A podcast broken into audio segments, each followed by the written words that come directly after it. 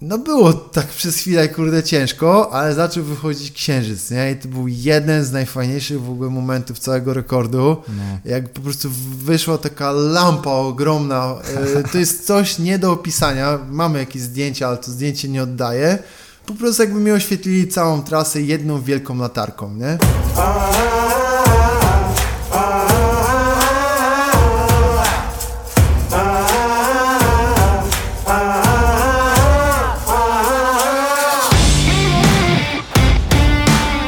Cześć, ja nazywam się Tomek Szatkowski, a Ty słuchasz podcastu Mój Sportowy Biznes.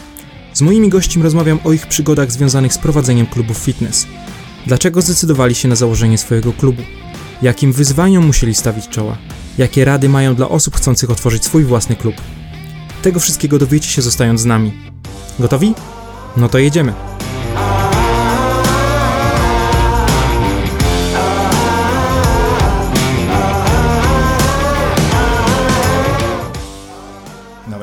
Ja jestem e, aktualnie po świeżo po kawalerskim e, wieczorze. Miałem weekend e, taki intensywny i mieliśmy w trakcie tego weekendu spływ kajakowy.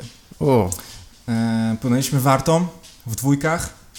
No wiadomo, jakieś stare kajaczki, ale zrobiliśmy niecałe 20 km w niecałe 5 godzin.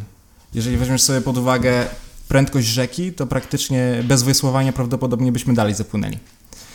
I ty jesteś świeżo po 253 km tak. w 24 godziny. Tak. E, gdzie prędkość średnia wychodzi mniej więcej 3 razy więcej niż u nas, a, a ty to robiłeś na wodzie stojącej. I teraz ogólnie mam sporo pytań, jeżeli chodzi o to, na przykład w jaki sposób byłeś w stanie usiedzieć w tym wszystkim, ale dojdziemy do tego.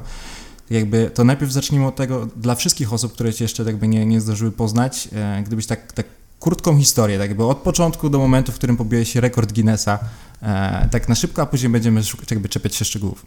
E, witam wszystkich, e, Sebastian Szubski, dziękuję za zaproszenie, Tomka z Wodguru.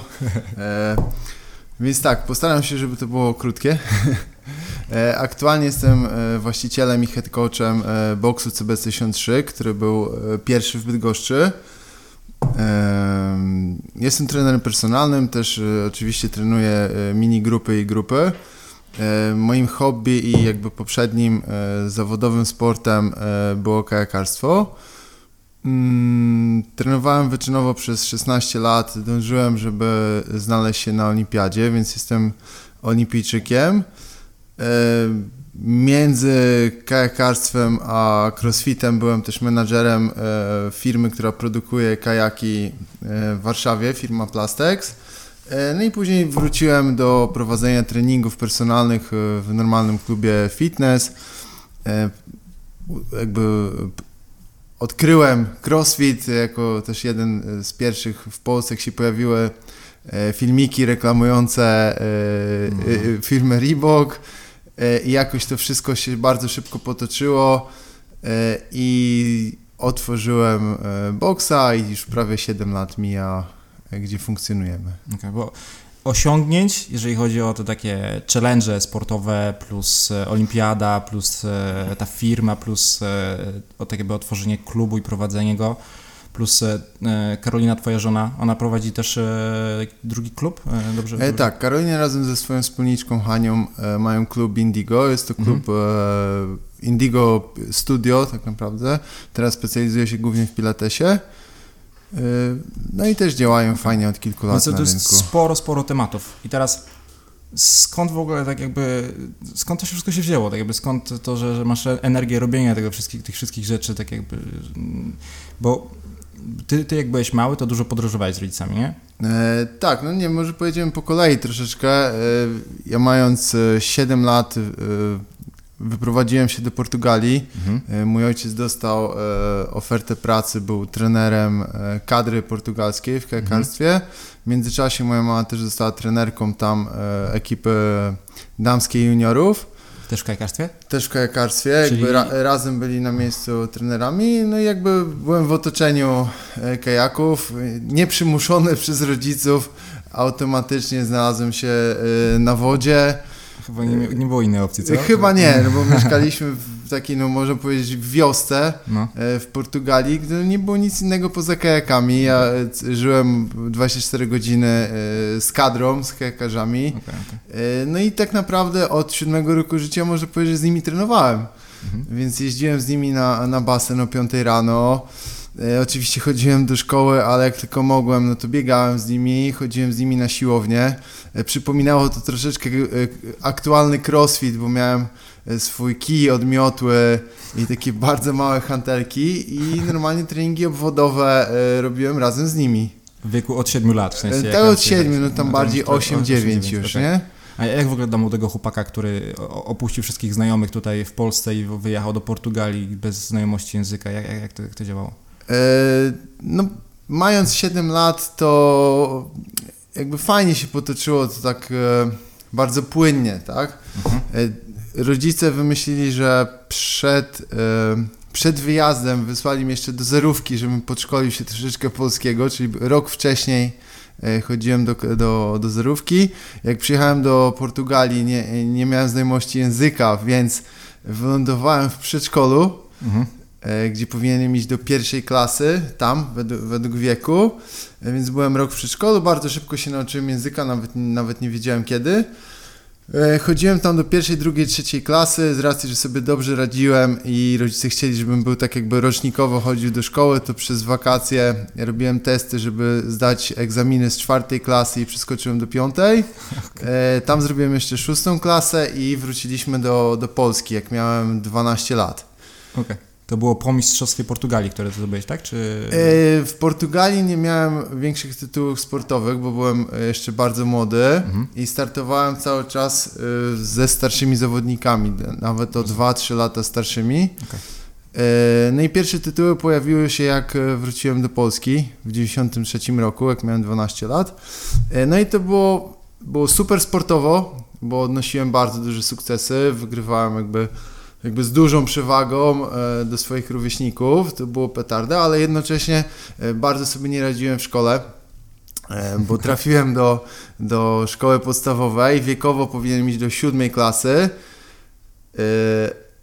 ale wiekowo, nie wiem, czy dobrze powiedziałem, nie, normalnie powinienem iść do siódmej według tego, że już szóstą robiłem, ale wiekowo w Polsce powinienem iść do szóstej, więc tak cofnąłem się o rok. Tak jest. Z racji też tego, że sobie nie radziłem za bardzo. E, no i robiłem podstawówkę szóstą, siódmą, ósmą klasę w Polsce, no i miałem bardzo dużo do nadrobienia, więc chodziłem normalnie do szkoły, po szkole miałem dwie nawet do trzech godzin korepetycji, żeby odrabiać to, co straciłem. Mhm.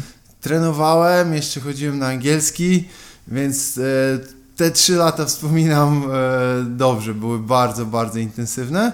No ale jednocześnie jakby zdobyłem tytuły mistrza Polski, tytuły mistrza Niemiec, więc jakby to, to jakby bardzo pomagało okay. później też w szkole. Nie? Myślisz, że to, że w wieku 12-13 lat, jak zdobywałeś po, po kolei te tytuły, to, to przyczyniło się jakby to, że miałeś rodziców, trenerów i kajakarzy, czy, czy, czy ta ciężka praca, którą włożyłeś w Portugalii, czy jakby... Wszystko razem. Jakby to, że bardzo wcześnie zacząłem, mhm. to, że żyłem w takim otoczeniu no, kadry narodowej, która wtedy też y, zaczęła odnosić spore sukcesy, w Polsce trenowałem w klubie Astoria mhm. E, z trenerem Markiem Baszakiem. E, no i fajnie byliśmy prowadzeni. Mój ojciec wtedy też zaczął pracę pomału w Brazylii, a ja mieszkałem z matką okay. w Bydgoszczy, okay. nie? Okay. No i w wieku, już tak troszkę wyprzedzę, w wieku 16 lat wyprowadziliśmy się do Brazylii. Czyli 4 lata tak naprawdę w Polsce? 3. 3, 3 lata no. w Polsce i, i znowu, i teraz znowu, znaczy język już podejrzewam, że, że, że, że bez problemu, ale znowu wtedy do szkoły, do jakiejś e, klasy trzeba było znowu kombinować? Czy, czy już... Trzeba było bardzo delikatnie kombinować. Jak skończyłem tutaj szkołę podstawową, okay. tam rok szkolny zaczynał się w styczniu, mhm. więc tak naprawdę miałem pół roku przerwy od szkoły, mhm. było fajne. Mhm. E, przyjeżdżając tam, poszedłem do szkoły, tak sobie posiedzieć, jakby, żeby przypomnieć sobie e, język, więc chodziłem do szkoły, ale tak byłem po prostu e, tak sobie siedziałem.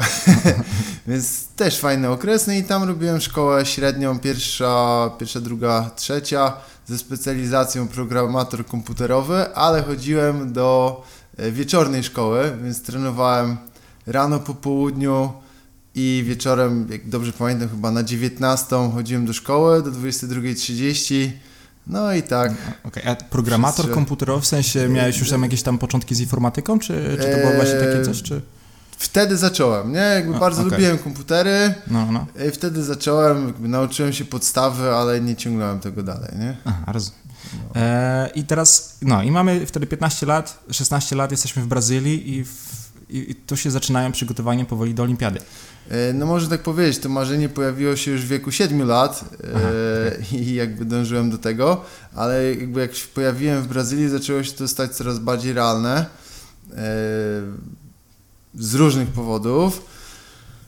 W Polsce poziom był bardzo wysoki kadry narodowej, więc dostanie się do, do grona tych no, zawodników, no.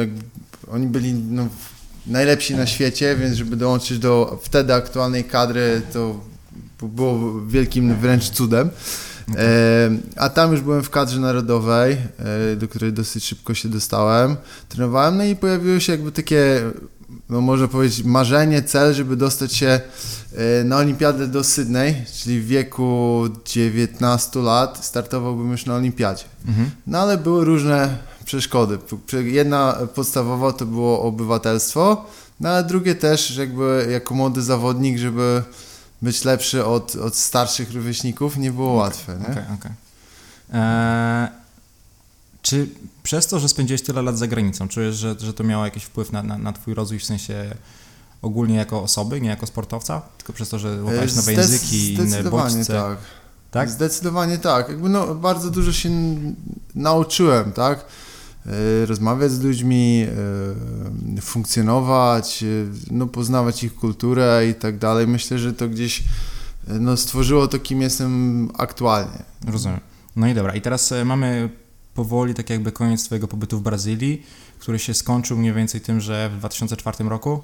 E, tak, wystartowałem na olimpiadzie. Okej, okay. i sama tak jakby, jakby droga, treningi i tak dalej, specjalnie jakoś przygotowałeś się do olimpiady, czy po prostu to kontynuowałeś swoje Tak, treningi? zdecydowanie tak. No tak skrócie mogę opowiedzieć e, jakby drogę do olimpiady. Jakby w, w Brazylii mieszkałem w sumie będzie 8 lat. Mm, no od początku jakby marzeniem było dostać się na olimpiadę, więc trenowaliśmy dosyć intensywnie. E, pierwsze 4 lata tam mieszkaliśmy w takim małym miasteczku Londrina. E, mhm. To jest coś podobnego powiedzmy do Poznania, studenckie miasto. Mhm. E, no i tam jeszcze chodziłem do szkoły. W momencie, gdy się przeprowadziliśmy do Rio de Janeiro, bo ściągnął nas klub piłkarski Vasco da Gama, to był taki fajny moment, można powiedzieć, że jakby odnosiliśmy spore sukcesy sportowe, e, pociągnęło to ze sobą e, finansową stronę też, byliśmy ściągnięci właśnie przez ten klub. Mieszkaliśmy w Rio w fajnym domu z basenem blisko oceanu, ale niestety pociągnęło to też za sobą to, że jednak duże miasto i tak dalej, e, byliśmy bardziej rozkojarzeni i trochę to e, odbiło z rytmu. Ja Brazylijskie tyłki. Tak, tak, dokładnie. Między treningami e, też byłem statystą w nowelach brazylijskich. Taki, taki był. Można cię gdzieś znaleźć? W sensie w... Właśnie szukam i nie mogę znaleźć. Mam to na, na, nagrane na kasetach gdzieś VHS, ale nie mogę jej znaleźć i to byłoby coś fajnego, żeby wstawić. No są, pamiętam, że gdzieś tam czekałem, były sceny, że pojawiałem się na przykład na 3 sekundy e, po całodziennym, tak, po całodziennym nagraniu, ale to było fajne, ale powiedzmy, że tam z tych e, kilku razy się gdzieś tam pojawiłem w tej noweli, okay. no to z dwa, trzy razy było mi widać troszkę dłużej, ale to była frajda właśnie też pozna, poznać ten świat, zobaczyć to zaplecze no. y, y, tych aktorów, no bo tam jakby oglądanie noweli jest, jest codziennością w Brazylii, w Portugalii też jak mieszkałem, okay.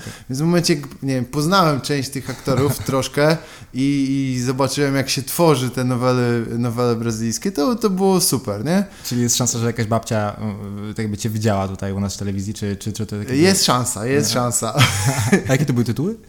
Kurde, nie pamiętam. Je, jeden, jeden to był Anju Caillou du E, ale nie pamiętam reszty. Mam, mam spisane w ogóle, mam kartkę, gdzie mam zapisane Ekstra. E, tytuły tych nowel, w jakim byłem odcinku, no, no, no, no. ale wynaleźć to w internecie myślę, że może nie być łatwe. Ale to było jeszcze w trakcie jakby szkoły średniej tam, czy po? Nie, to już byłem, byłem po szkole średniej, jakby dostałem się na studia, okay. jakby też zaczęło się, się dużo, dużo dziać, nie? Mhm. Dostałem się na jedne studia, które musiałem zrezygnować właśnie przez, przez przeprowadzkę. Okay. W Rio też się dostałem na studia, właśnie studiowałem, pojawiła się przygoda tych nowe brazylijskie treningi. No i w pewnym momencie jakby to odbiło się na wynikach sportowych i było to bardzo odczuwalne. No, no, I trzeba było podjąć decyzję, czy rzeczywiście rzucamy wszystko, trenujemy i mamy 3 lata, żeby znaleźć się na olimpiadzie, czy bawimy się w statystę może aktora i, i, właśnie uczelnia i tak dalej. No i pamiętam, że przy jednym po prostu kolacji z ojcem e, zdecydowaliśmy, że nie, dobra, rzucam wszystko, rzuciłem studia, e, jakby odrzucałem oferty tam pojawienia się na, na, w tych odcinkach, e, też przez problemy, które mieliśmy ze sponsorem aktualnym, który chciał nas utrzymać mhm. tam w Rio, musieliśmy się przeprowadzić Znaleźliśmy sponsora w bardzo małej mieścinie, która się nazywała Pirażu, po polsku, nie wiem, Piraju. Twój, twój ojciec był odpowiedzialny za szukanie sponsora, czy, czy razem? Znaczy on pomagał, on, pom okay. on, pomagał, no mo można tak powiedzieć, że był odpowiedzialny, znaczy że bardzo pomagał w tym, nie? No i. Bo byliście wtedy takim, można powiedzieć, zespołem w tym wszystkim, czy tak, to no raczej no byliśmy kadrą narodową, było nas ośmiu głównych zawodników, plus juniorzy, kobiety, okay, ale, ale około w sensie 15 osób. Ty, ty z ojcem jako tak jakby, mm, czy on cię wspiera w tym wszystkim też e, poza, poza treningami?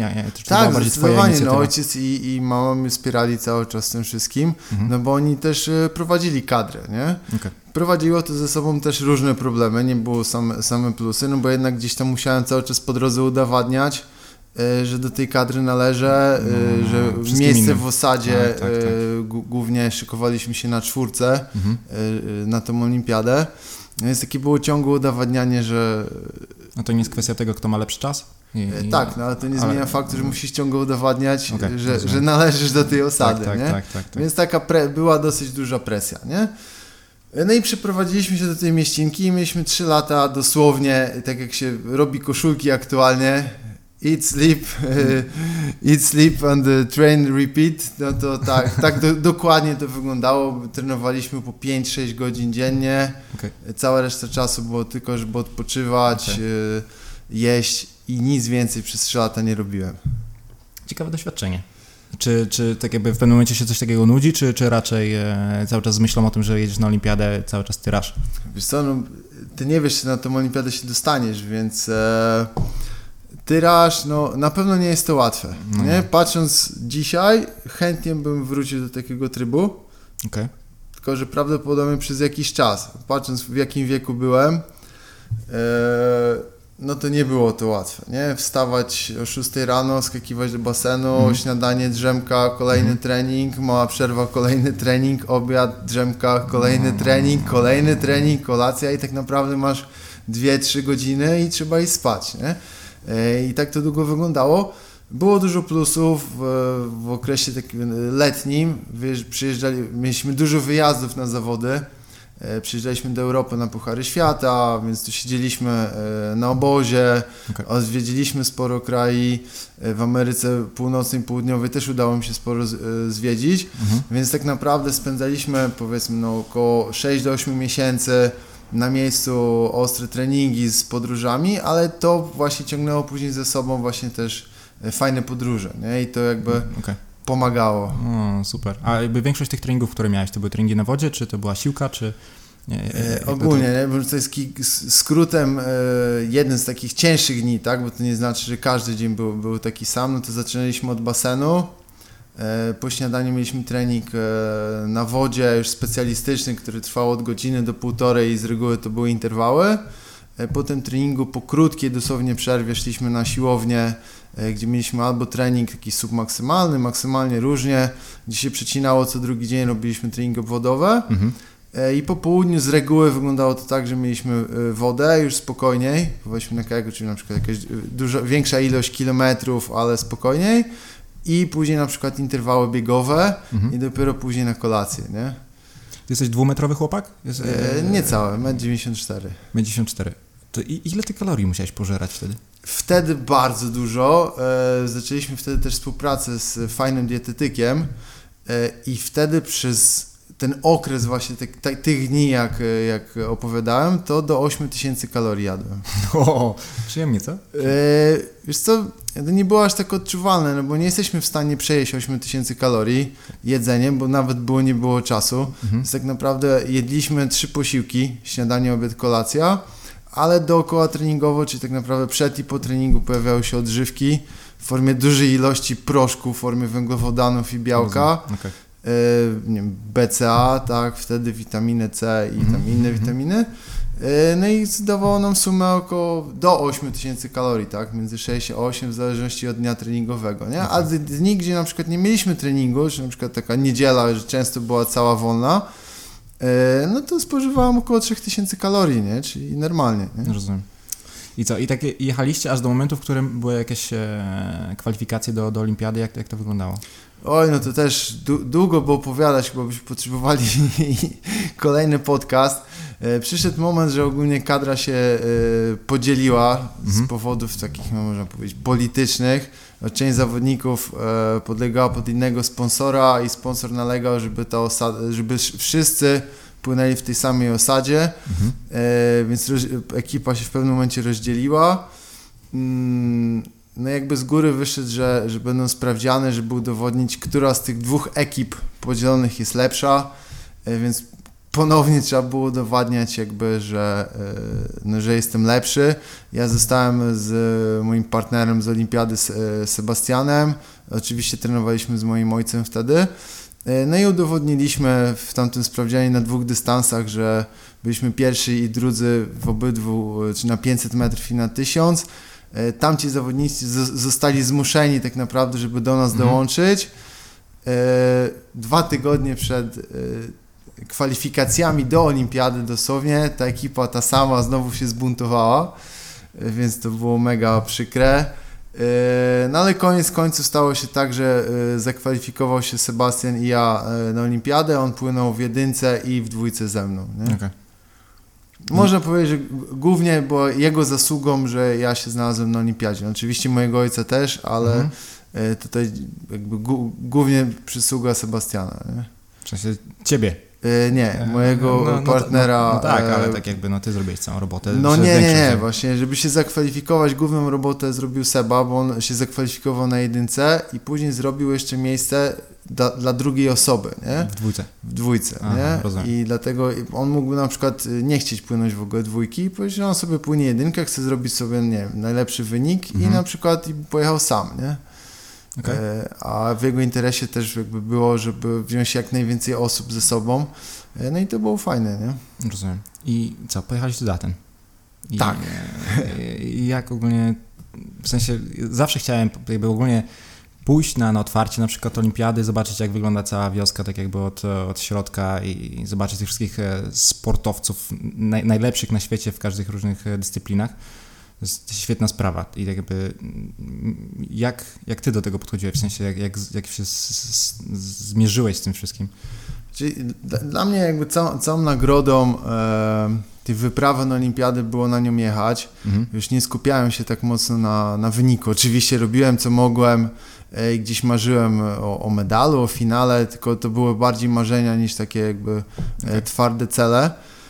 E, niestety miałem tego pecha, że e, nie byłem na ceremonii otwarcia ani zamknięcia na olimpiadę, gdzie mój ojciec wcześniej był na sześciu olimpiadach i na każdej z nich był na otwarciu i na ceremonii zamknięcia. E, no akurat tak wyszło, że wioska olimpijska ma ileś tam miejsc i my musieliśmy być x dni dopiero przed naszym startem okay. i po zakończeniu naszego startu mieliśmy dwa dni, żeby opuścić wioskę olimpijską. A, w ten sposób. E, I po prostu inaczej się nie dało. Nie? Sam pobyt na olimpiadzie był świetny. E, jakby zobaczyć właśnie, być w wiosce olimpijskiej od, od środka, no, ten klimat, w ogóle najbardziej mi się podobała stołówka, że po prostu się mijało wieloma, wiele znanych sportowców, mm. jakieś fajne zdjęcia, okay. E, można czasami porozmawiać, więc no to było, to było super, nie? Ekstra. A, a same starty? Jakby czułeś się jakoś inaczej niż... Czy, czy... E, same starty... Mm, Na pewno nie były to najlepsze starty w moim życiu. Mhm. Gdzieś była taka właśnie duża presja, żebyśmy czyli, czyli, e, dobrze czyli wypadli. Był stresik.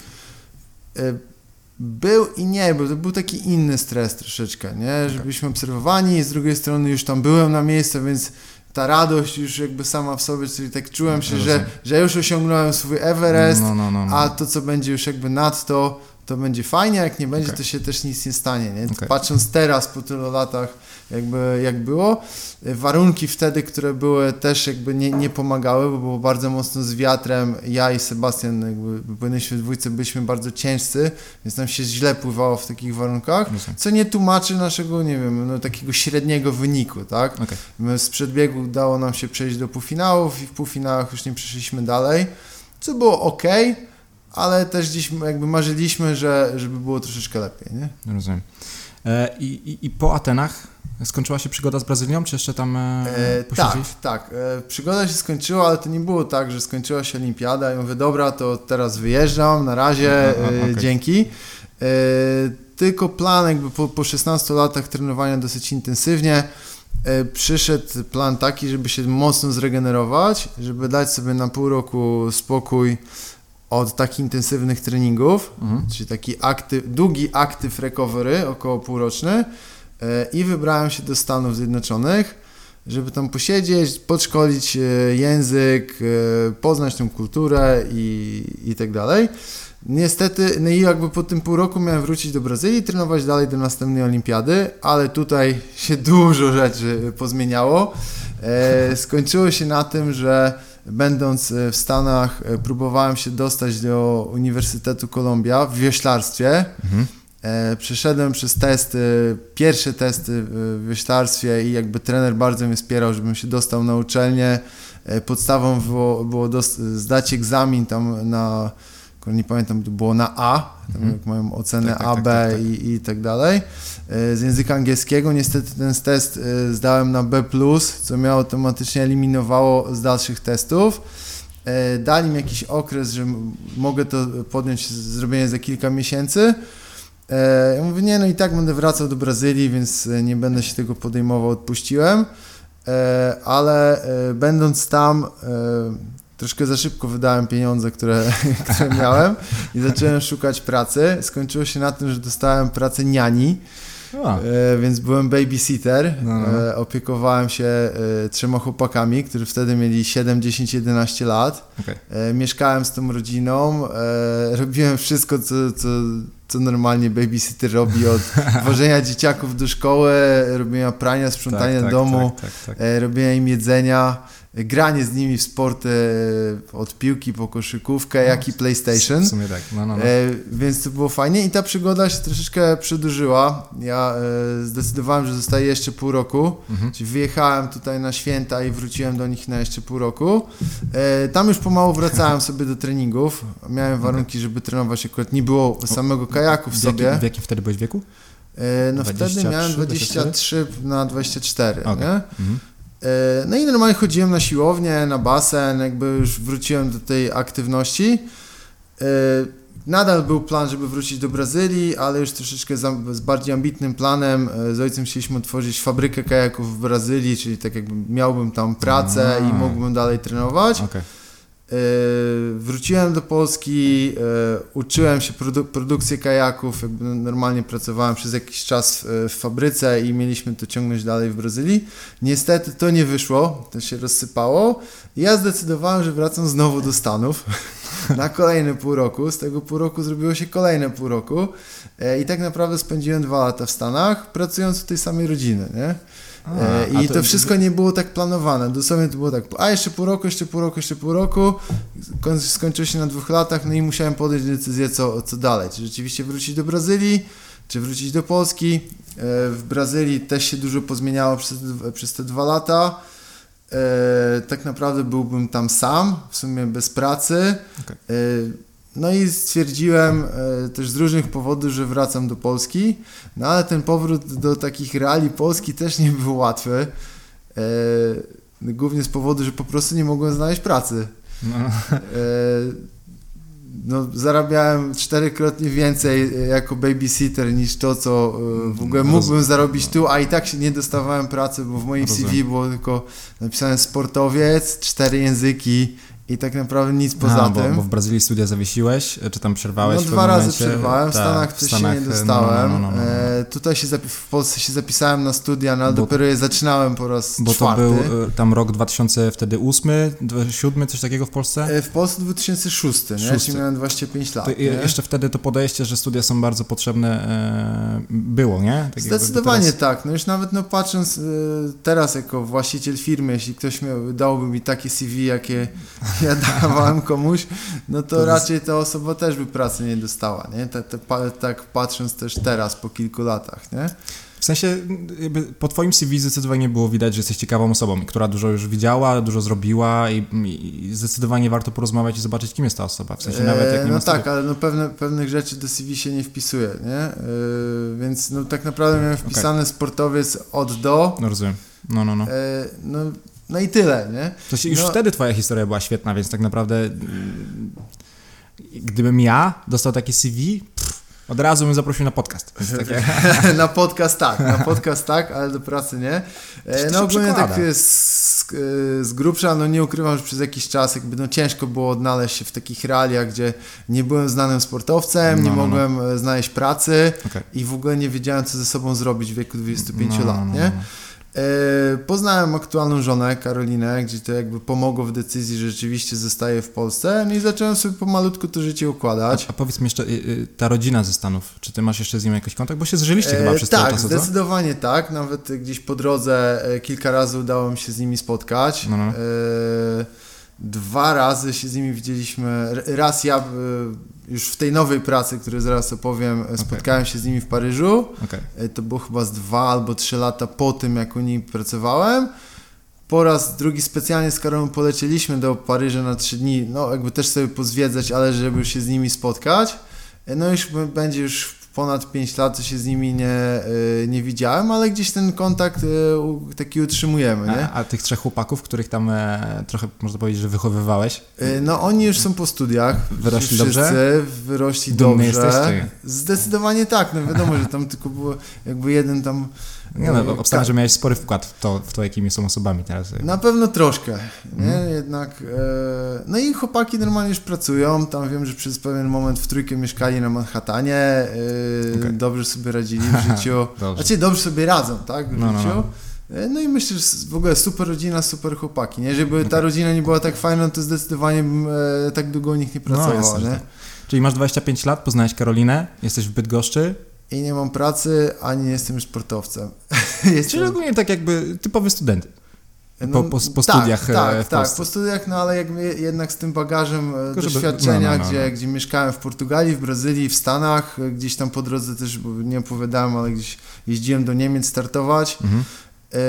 No i nie ukrywam, że był ciężki, bardzo, bardzo ciężki okres okay. w moim życiu. E, w pewnym momencie zdecydowałem się na, e, na pracę jako sekretarka e, w firmie z, jak się mówi, sprzętem medycznym. Mhm. I tam jakoś coś tak fajnie potoczyło, że pamiętam, że na te dwa tygodnie pracy, które byłem na zastępstwie kogoś, miałem zarobić 800 zł. No to porównując do tego, to tam zarabiałem w 3 dni w Stanach. E, no ale to już wtedy starałem się o tym nie myśleć, ale po jakimś tygodniu czy 10 dniach nagle pojawił się kontakt z Warszawy, z tej fabryki, który, z którą miałem współpracować, tak.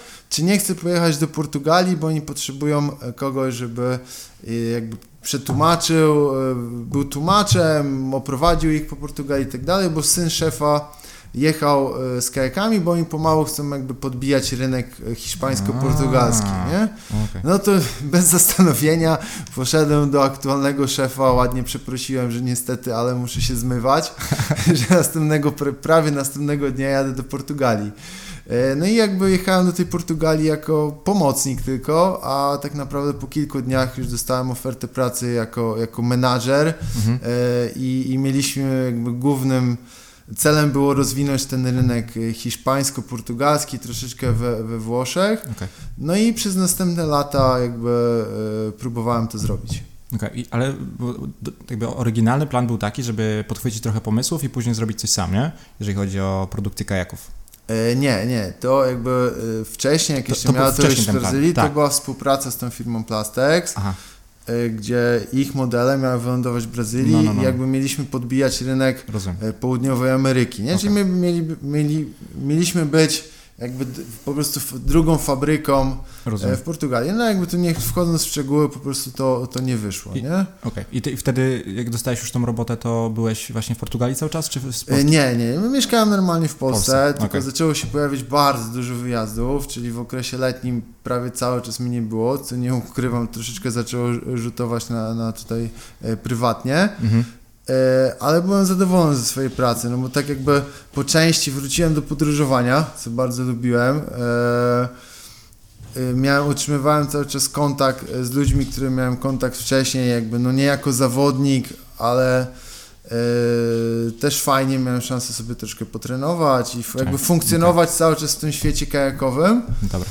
Mm, to było, to było super, nie? I tam pracowałem przez 4 lata. Nie, i Seba menadżer. I w jaki sposób e, się potoczyło, że otworzyłeś swój klub? Bo to, bo to był następny krok, czy jeszcze coś było e, Prawie, e, prawie. Okay, okay. No ogólnie w tej, w tej pracy w Warszawie e, my też głównie się zajmowaliśmy serwisem kajaków, czyli mm. jakby na każdych e, ważnych zawodach byliśmy ze swoim samochodem, namiotem, ja byłem odpowiedzialny za, za ten serwis kajaków. Jeździliśmy w takiej mini ekipie. E, znalazłem się ponownie na olimpiadzie. Czyli w 2008 w Chinach e, byłem na olimpiadzie tylko jako, jako menadżer e, firmy, firmy Plastex. Było super. Mój ojciec wtedy był też jako trener Grecji.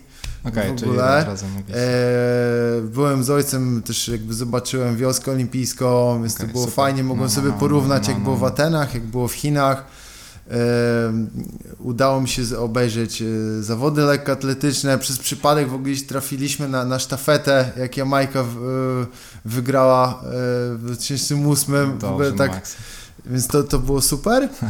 No i po powrocie zacząłem, wyszedł pomysł, żeby rozwijać swoją własną firmę, ale równolegle pracując w firmie Plastex. Czyli tak jakby okay. chciałem się zająć troszeczkę sprzedażą sprzętu sportowego, otworzyłem sklep internetowy mhm. i tak pomału się to tak jakby y, płynnie przeszło, że jakby rozstałem się z firmą Plastek, starałem się rozwinąć swoją własną firmę.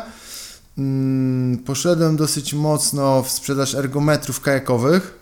Tak, czyli rzeczy, na których się znałeś ogólnie. Tak i jednocześnie zacząłem organizować zawody na ergometrach kajakowych, mhm. co było nowością, tego wcześniej nie, nie, nie było w Polsce, a na świecie było, ale bardzo mało. Który to był rok? To był rok 2010 gdzieś. Okay. E, no i kurczę, udało się zrobić parę bardzo fajnych, fajnych imprez, między innymi otwarte Mistrzostwa Polski na ergometrach Kayak Pro, tak to się wtedy e, nazywało. To były amerykańskie ergometry produkowane w Chinach. E, jest filmik na YouTubie, bardzo fajny, sam montowałem, też lubiłem się właśnie bawić w to. I później w pewnym momencie okazało się, że jakby było dużo pracy, dużo obrót pieniędzy, przez to, że te ergometry były bardzo drogie. One bardzo słabe schodziły mhm. E, w Polsce no i były, pojawiły się problemy finansowe, nie? Jakby w mojej nowej firmie. Rozumiem. E, zacząłem sobie dorabiać jako trener personalny w klubie fitness i pojawił się CrossFit. Aha. No i to tak w 2011 roku można powiedzieć, że no prawie z dnia na dzień zamknąłem firmę, mhm. y, którą, gdzie handlowałem sprzętem i organizowałem zawody i całą swoją energię po prostu y, prze, przestawiłem na to, że chcę otworzyć klub.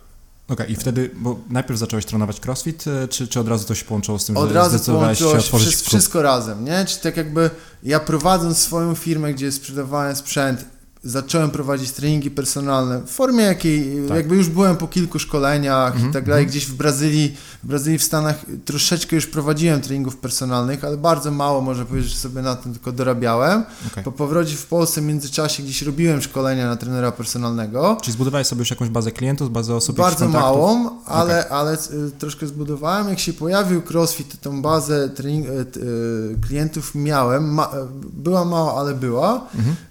E, I pracując w klubie fitness widziałem, że po prostu będę robił wszystko, żeby otworzyć swojego boksa. Mm, no i robiłem wszystko w tym kierunku. Tak naprawdę łatałem troszeczkę dziury e, z poprzedniej firmy i robiłem wszystko, co mogę, żeby otworzyć boksa. No i zaczęło się tak jakby małymi kroczkami. Zacząłem prowadzić e, zajęcia w bardzo małych grupach na sali fitness, zajęcia cross-training. E, potem wyszedł pomysł, żeby prowadzić darmowe zajęcia w parku. Okay. E, pierwszy trening był tak, tak, u nas tak. w Bydgoszczy w Myślęcinku. Okazało no, się, że ładna, będzie ładna fajniej, fajniej prowadzić jednak treningi na Wyspie Młyńskiej. Okay. E, co niedzielę prowadziłem te treningi. Karolina mm -hmm. też mi pomagała bo łączyliśmy fajnie treningi, ja prowadziłem godzinę cross treningu nie mieliśmy sprzętu i później ona prowadziła, Leon, prowadziliśmy, e, Karola prowadziła zajęcia body mindowe, body mindowe, czyli z body artu, mieszała troszeczkę mobility, pilatesu, jakieś elementy jogi, mhm. więc te treningi darmowe trwały około dwóch godzin. E, Niektóre osoby zaczęły się pytać, jeśli crossfit tak zaczął się pojawiać, czy, czy bym poprowadził jakiś trening ze sprzętem i tak dalej. Tu jakby zauważyłem, że rzeczywiście to może się e, udać i zacząłem szukać miejsca, gdzie mógłbym taki trening poprowadzić, ale nie już w formie cross treningu z plastikowym gryfem, tylko z normalnym crossfitowym gryfem. To już byłem po pierwszym szkoleniu, ogólnopolskim szkoleniu crossfit prowadzone e, na Helu. Level 1 w sensie? Nie, czy... to nie był level 1. To było pierwsze ogólnopolskie szkolenie nie pamiętam dokładnej nazwy, crossfit prowadzone przez Macieja i Lucynę na, na Helu, a Romel też, e, też no, tak, był, tak. Marcin Kasperski. Czy jesteś takim trochę crossfitowym dinozaurem tutaj? E... Można tak powiedzieć. No jakby ja się uczyłem od dinozaurów, a, ale jednocześnie, okay. jednocześnie byłem dinozaurem, tak? Bo to wszystko no, no, się no, no, zaczęło w jednym, w jednym roku. Początek. Pamiętam, że byłem e, na jednym szkoleniu w którym mieście u Bartka Macka. No on tak naprawdę, on, on był o krok prze, przede mną. E, oni szukali lokalu, żeby otworzyć boksa, ja też jednocześnie szukałem, szkoliłem się po prostu ile mogłem, już będąc na tym szkoleniu już byłem zapisany na, na level 1 mhm. E, w Belgii. Mhm. Mm, no i to tak po prostu mega intensywnie się wszystko potoczyło bardzo dużo pozytywnej energii, tak by kontakt z kontaktem się łączyły. E, trener, który miał mi pożyczyć gryf, po prostu gryf 20 olimpijską, żeby pokazać coś w, w parku, właśnie tak. na, na Wyspie Młyńskiej jakieś ćwiczenia. E, po pierwszym szkoleniu okazało się, że jest możliwość e, jakby wynajęcia sali na godzinę e, u ciężarowców na Zawiszy. E, to była bardzo duża pomoc e, no. od nich. No i tak naprawdę z jednej godziny zrobiły się dwie godziny, z dwóch, trzech osób zrobiło się osiem osób. E, pamiętam, że to było chyba we wtorki, czwartki o 18 prowadziliśmy, dodaliśmy okay. drugą godzinę, okay. 18, 19 dwa razy w tygodniu i tak ten grafik po południu zaczął rosnąć, że jakby, jeśli się nie mylę, to miałem dwie albo trzy godziny po południu prawie codziennie, mhm. ale cały czas wynajmujesz Jeszcze tą salkę. Okay, tak, no. mieliśmy dostęp tak naprawdę do gryfów, bumperów, e, kilku piłek, chyba dwa drążki były, e, ale mogliśmy też czasami korzystać z bieżni lekkoatletycznej, no, no, no. tej na zewnątrz, tej krytej na zawiszy, więc tak naprawdę warunki były spartańskie, ale bardzo crossfitowe, więc okay. był mega w ogóle ten klimat sportowy i tak dalej. E, ludzie, którzy przychodzili na zajęcia, przebierali się w korytarzu, e, jak nie było miejsca na sali, wykroki robili w korytarzu, no to był taki naprawdę taki undergroundowy crossfit. E, w międzyczasie ja byłem pole, jakby na level 1 i na tym level 1 nie zapomnę, że miałem rozmowę z Sebastianem z Wieny, nie pamiętam jego nazwiska i on wtedy miał już trzy boksy w Wiedniu i przeprowadziłem z nim rozmowę, czy otwierać, czy nie otwierać. On mi zadał kilka pytań no i mówi, po prostu otwieraj, nie, nie ma innego okay. wyboru. I jak tylko wróciłem, ponownie zadzwoniłem do, do miejsca, które był, było opcją do wynajęcia, tylko wtedy ten lokal e, wychodził, że chcieli wynająć 400 metrów i wychodziło dosyć drogo. Zadzwoniłem, czy byłaby opcja E, jednak e, wynająć połowę tego lokalu mhm. Za troszeczkę mniejsze pieniądze. Jeśli będzie dobrze, to bym wynajął drugą stronę. No i oni, nie wiem czemu, ale po tych kilku miesiącach, nie wiem, może nie, nie mogli kogoś znaleźć, się zgodzili. I to był lokal, który aktualnie jest na na Zawiszy. Czyli na początku mieście pół tego lokalu, tak? E, tak. I to okay. było tak naprawdę no, 10 metrów za, za salką, którą wynajmowaliśmy. Tak. Nie? Tak, to było tak. w ogóle niesamowite, że jak już zdecydowałem się na ten e, wynajem mhm. tej, tej, tej połówki aktualnej sali, mhm. E, to trenowaliśmy na wynajętej sali Zawiszy. Mhm. Gdzieś już pomału ogłosiłem, że będzie box.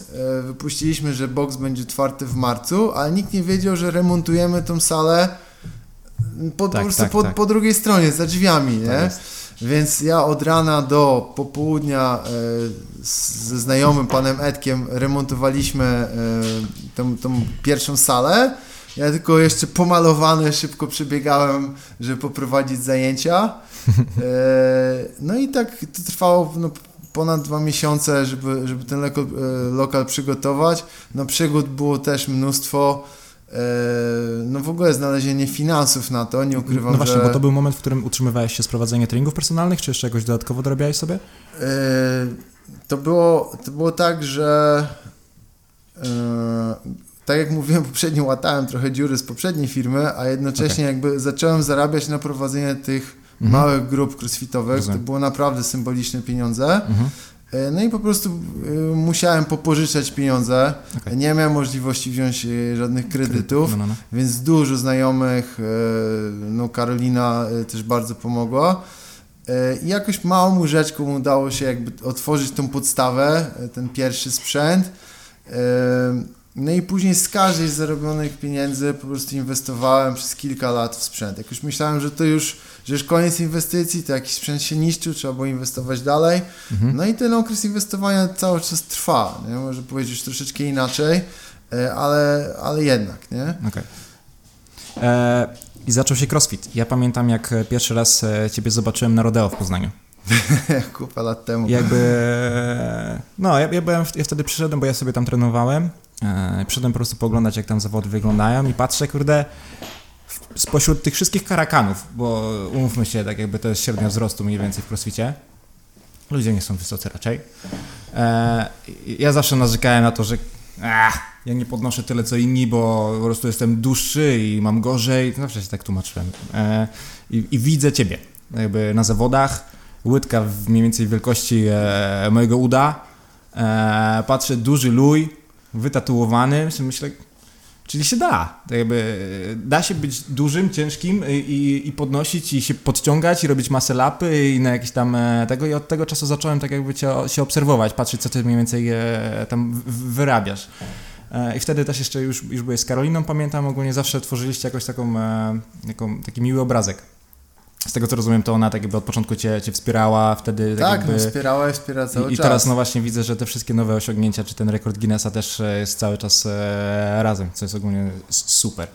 E, jak ten crossfit? Jakby to, to, to, jest coś dla ciebie, czy, czy oprócz tego, że trenujesz, czy ty planowałeś mieć jakieś większe osiągnięcia w crossficie, czy to było zawsze tylko i wyłącznie dodatek do tego, że prowadzisz klub, czy, czy odwrotnie właśnie?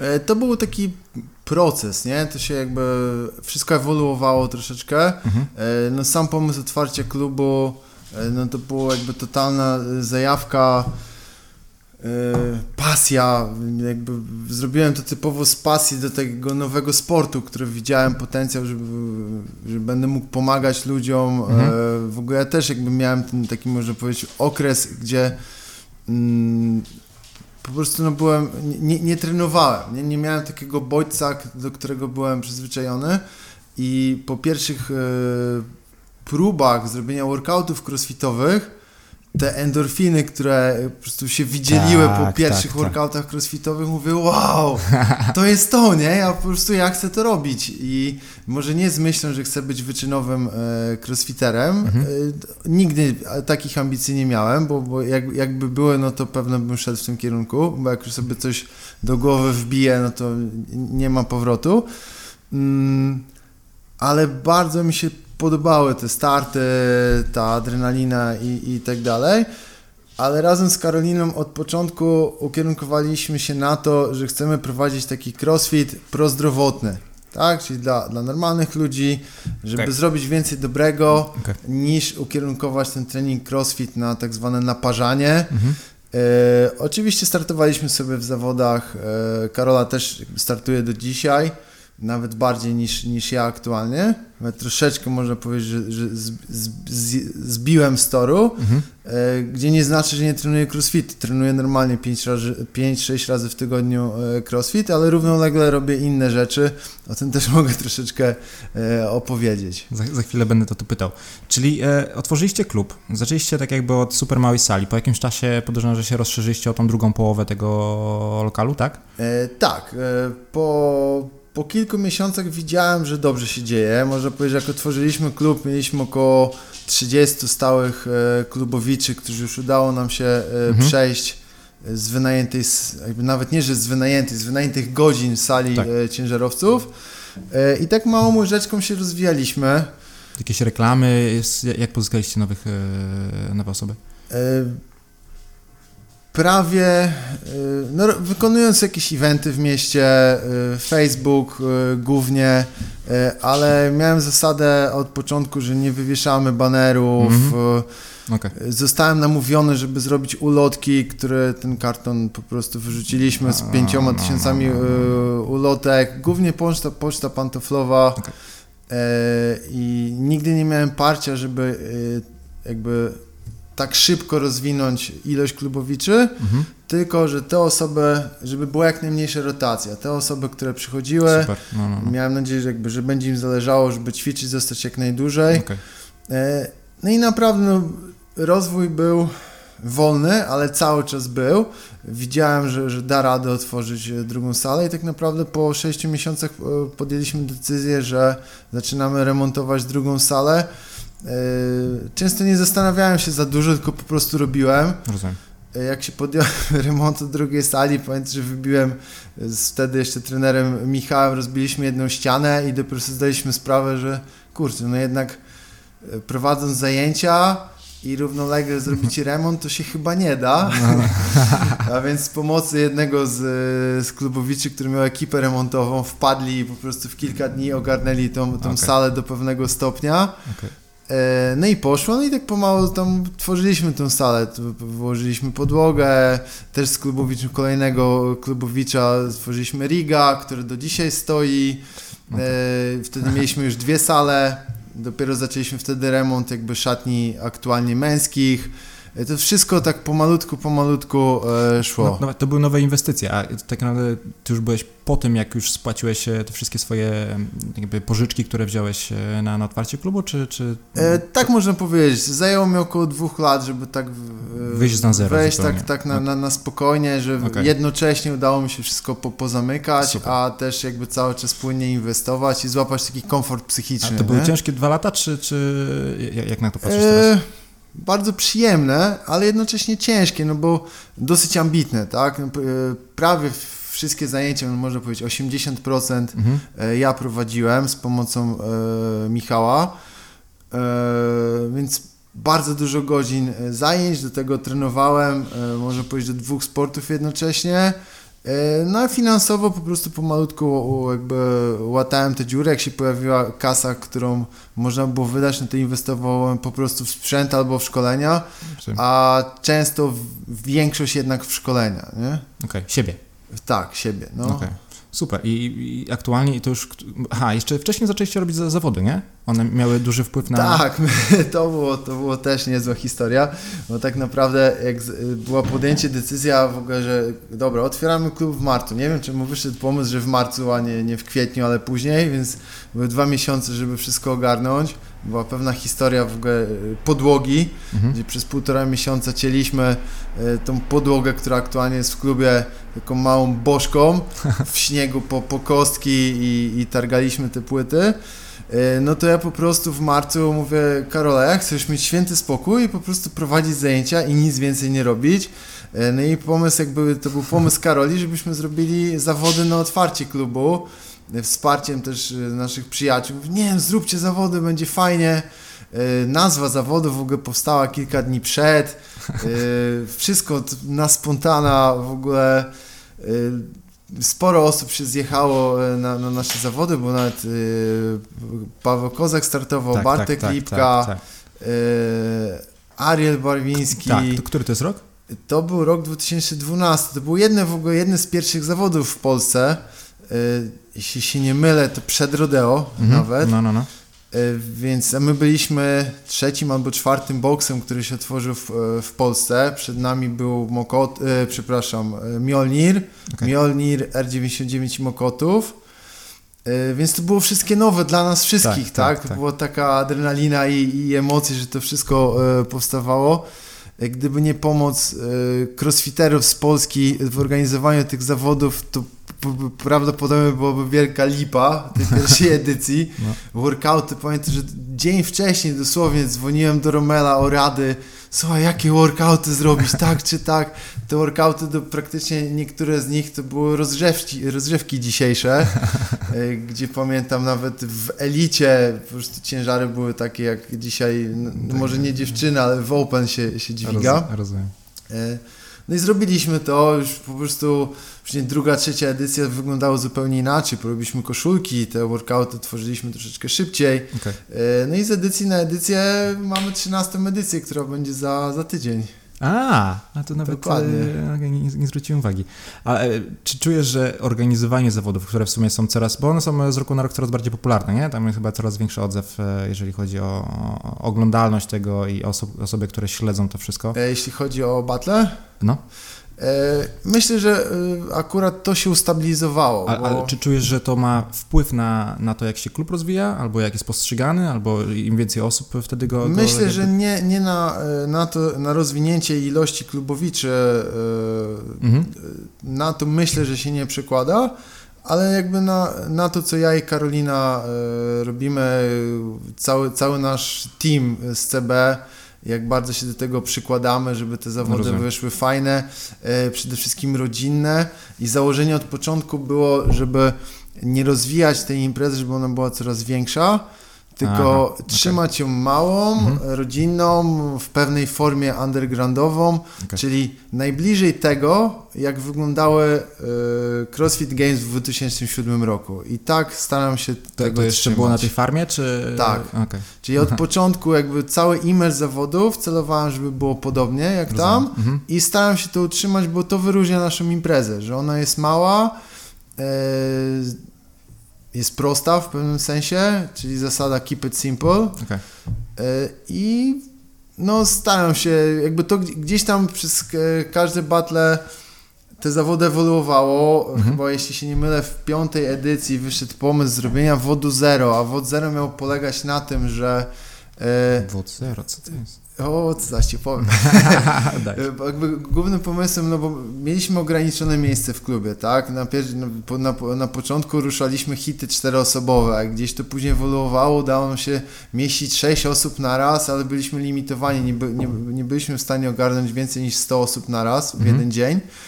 E ale chcieli, chciałem zrobić jeden event, gdzie ruszają wszyscy razem, no i po prostu wyszedł pomysł zrobienia biegania u nas w parku, żeby wykorzystać, tak. jakie mamy ładne miejsce, mhm. E, ale w dzień e, ogarniania trasy biegowej, gdzie ją oznaczyliśmy, razem z Marcinem Kasperskim na naszej drodze pojawiły się pewne kłody, które stworzyły historię do dzisiaj. Na, na nieszczęście e, osób startujących Myślę, że tak. Na nieszczęście i szczęście, bo stworzyliśmy jakby nową tradycję. Mhm. E, ten pierwszy event jakby no dało później sporo pomysłów na, na kolejne. Mhm. No i jest ta tradycja wodu zero, że jakby zasadą mm, tak naprawdę już nie tylko to, że zawodnicy ruszają wszyscy razem, bo czasami się nie dało i y, musieliśmy to troszeczkę modyfikować, ale to, że ten wysiłek jest troszeczkę dłuższy okay. niż normalne wody, mhm. czyli bardziej ukierunkowany na endurance, czyli z reguły się pojawia jakiś element y, biegania, były deski do pływania, były przeszkody. Y,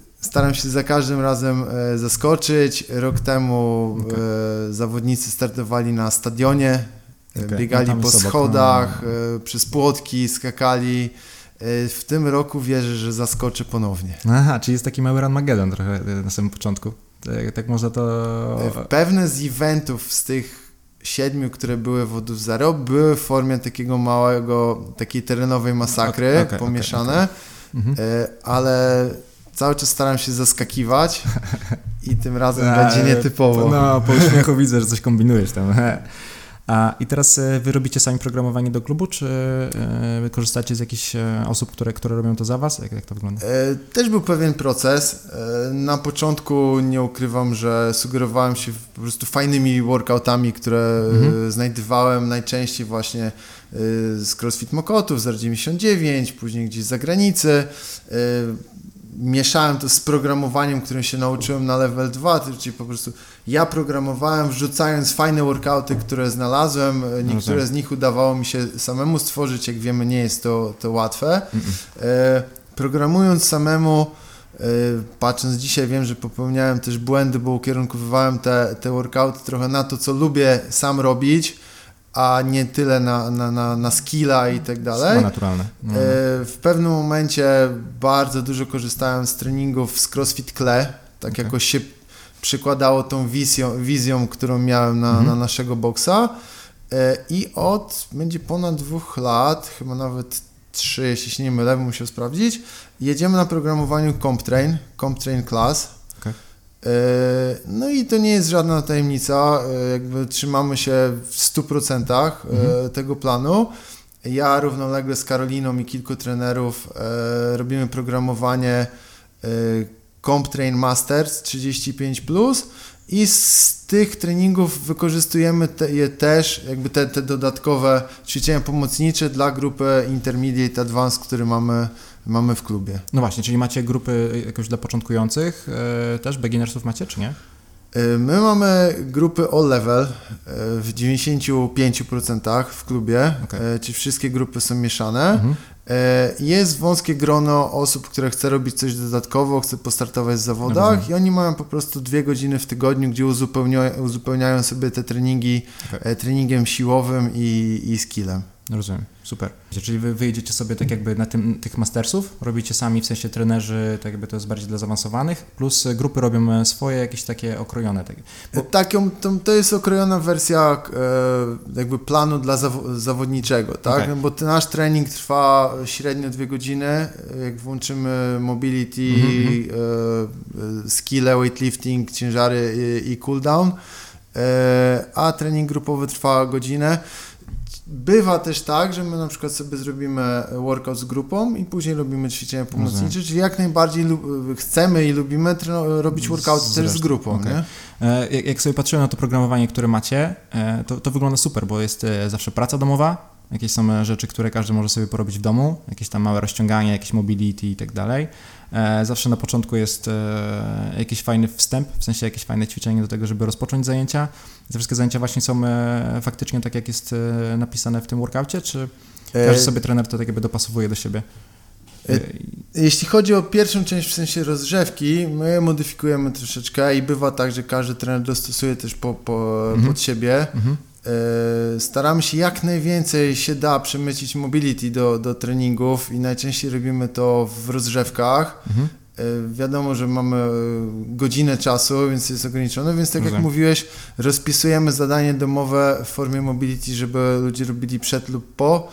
No i marzy mi się i Karolinie, żeby jednak klubowicze korzystali więcej z tego. Rozumiem. E teraz tak, mamy crossfit, ty sobie trenujesz crossfit, mówisz 5-6 razy w tygodniu, ale, ale tak naprawdę te wszystkie rzeczy, które zacząłeś, te wszystkie różne challenge, czyli tak jakby O, bo tego jest tyle, że... Mogę opowiedzieć i, troszeczkę. Jadając, jakby... Zacząłeś od, od czego? Od Ironmana? Od 3000 burpee? E, co, co, co było e, No, wiesz co, no to opowiem. Bo... Więc tak, jak się, jak się pojawił, e, jak się pojawił CrossFit, mhm. ja już miałem za cel, że chciałem ukończyć Ironmana. Razem z, z moim przyjacielem e, Tomkiem Hoppe mhm. podjęliśmy decyzję, że robimy Ironmana w roku 2012, jeśli się nie mylę. Mm, w międzyczasie już tej decyzji pojawił się w ogóle crossfit, ja zacząłem robić workouty crossfitowe, okay. widziałem, że po prostu po prostu to działa, czułem, moja forma, moja stara forma bardzo szybko wracała, więc robiłem więcej crossfitu niż treningów takich endurance, wytrzymałościowych. E, w międzyczasie, jak już był box, e, ja trenowałem tak naprawdę crossfit, troszeczkę biegania, e, pływania, ale bardzo mało. Dostałem zaproszenie z HESA, żeby wystartować wtedy, były nazwane najcięższe zawody crossfit w Polsce. E, no i nie ukrywam, tam było na zaproszonych chyba 10 zawodników. I zacząłem się przygotowywać do tego i zostawiłem na bok w ogóle pomysł Ironmana, ale byłem na niego zapisany, mhm. więc zamiast po prostu robić jeden workout dziennie... Byłeś na niego zapisany, to zapisałeś się na ile do przodu? No rok. Aha, rok. I, do, i dajesz sobie rok tak na przygotowanie skończy, do Ironmana. No tak można powiedzieć, nie? Przed już się e, przygotowywałem, mhm. bo zrobiłem sobie maraton. Okay.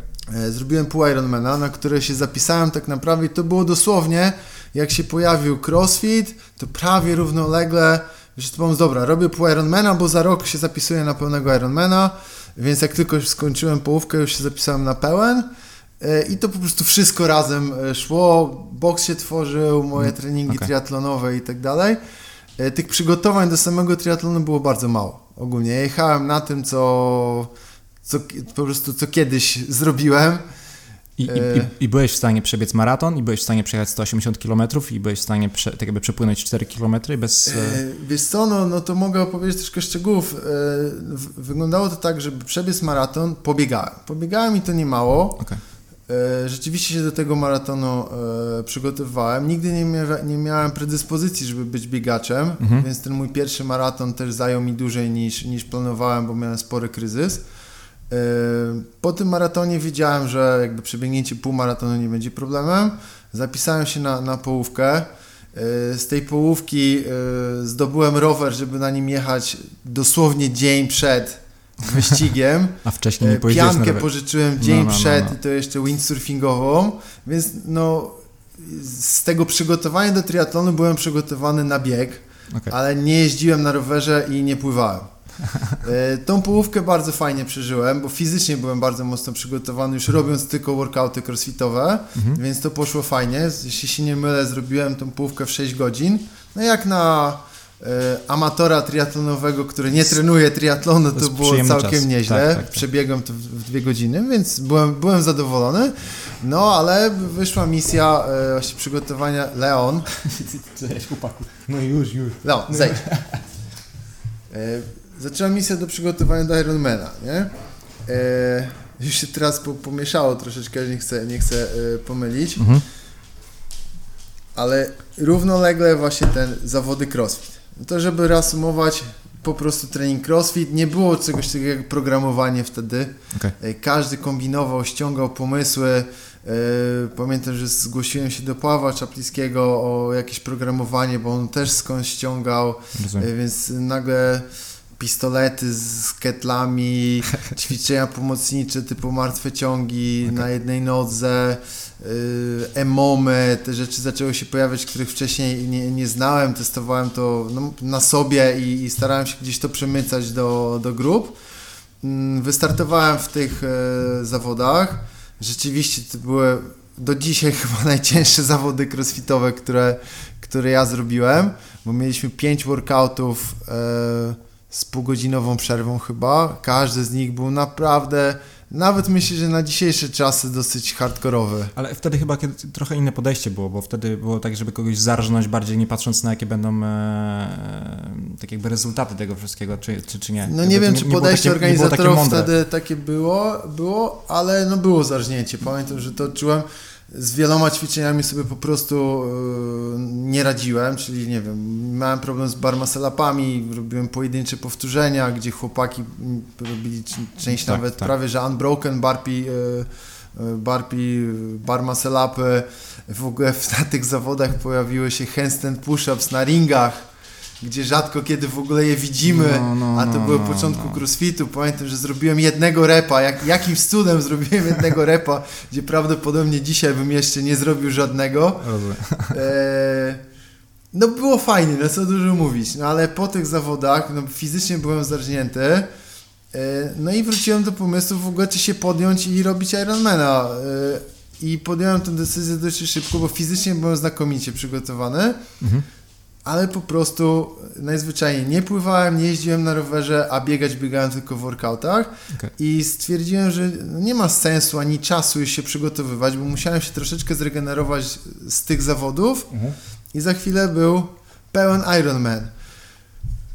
Yy... Ile było mniej więcej przerwy pomiędzy zawodami crossfitowymi a Ironmanem? Jeśli się nie mylę, musiałbym no, to no, no, sprawdzić, tak chyba dwa miesiące. Okay.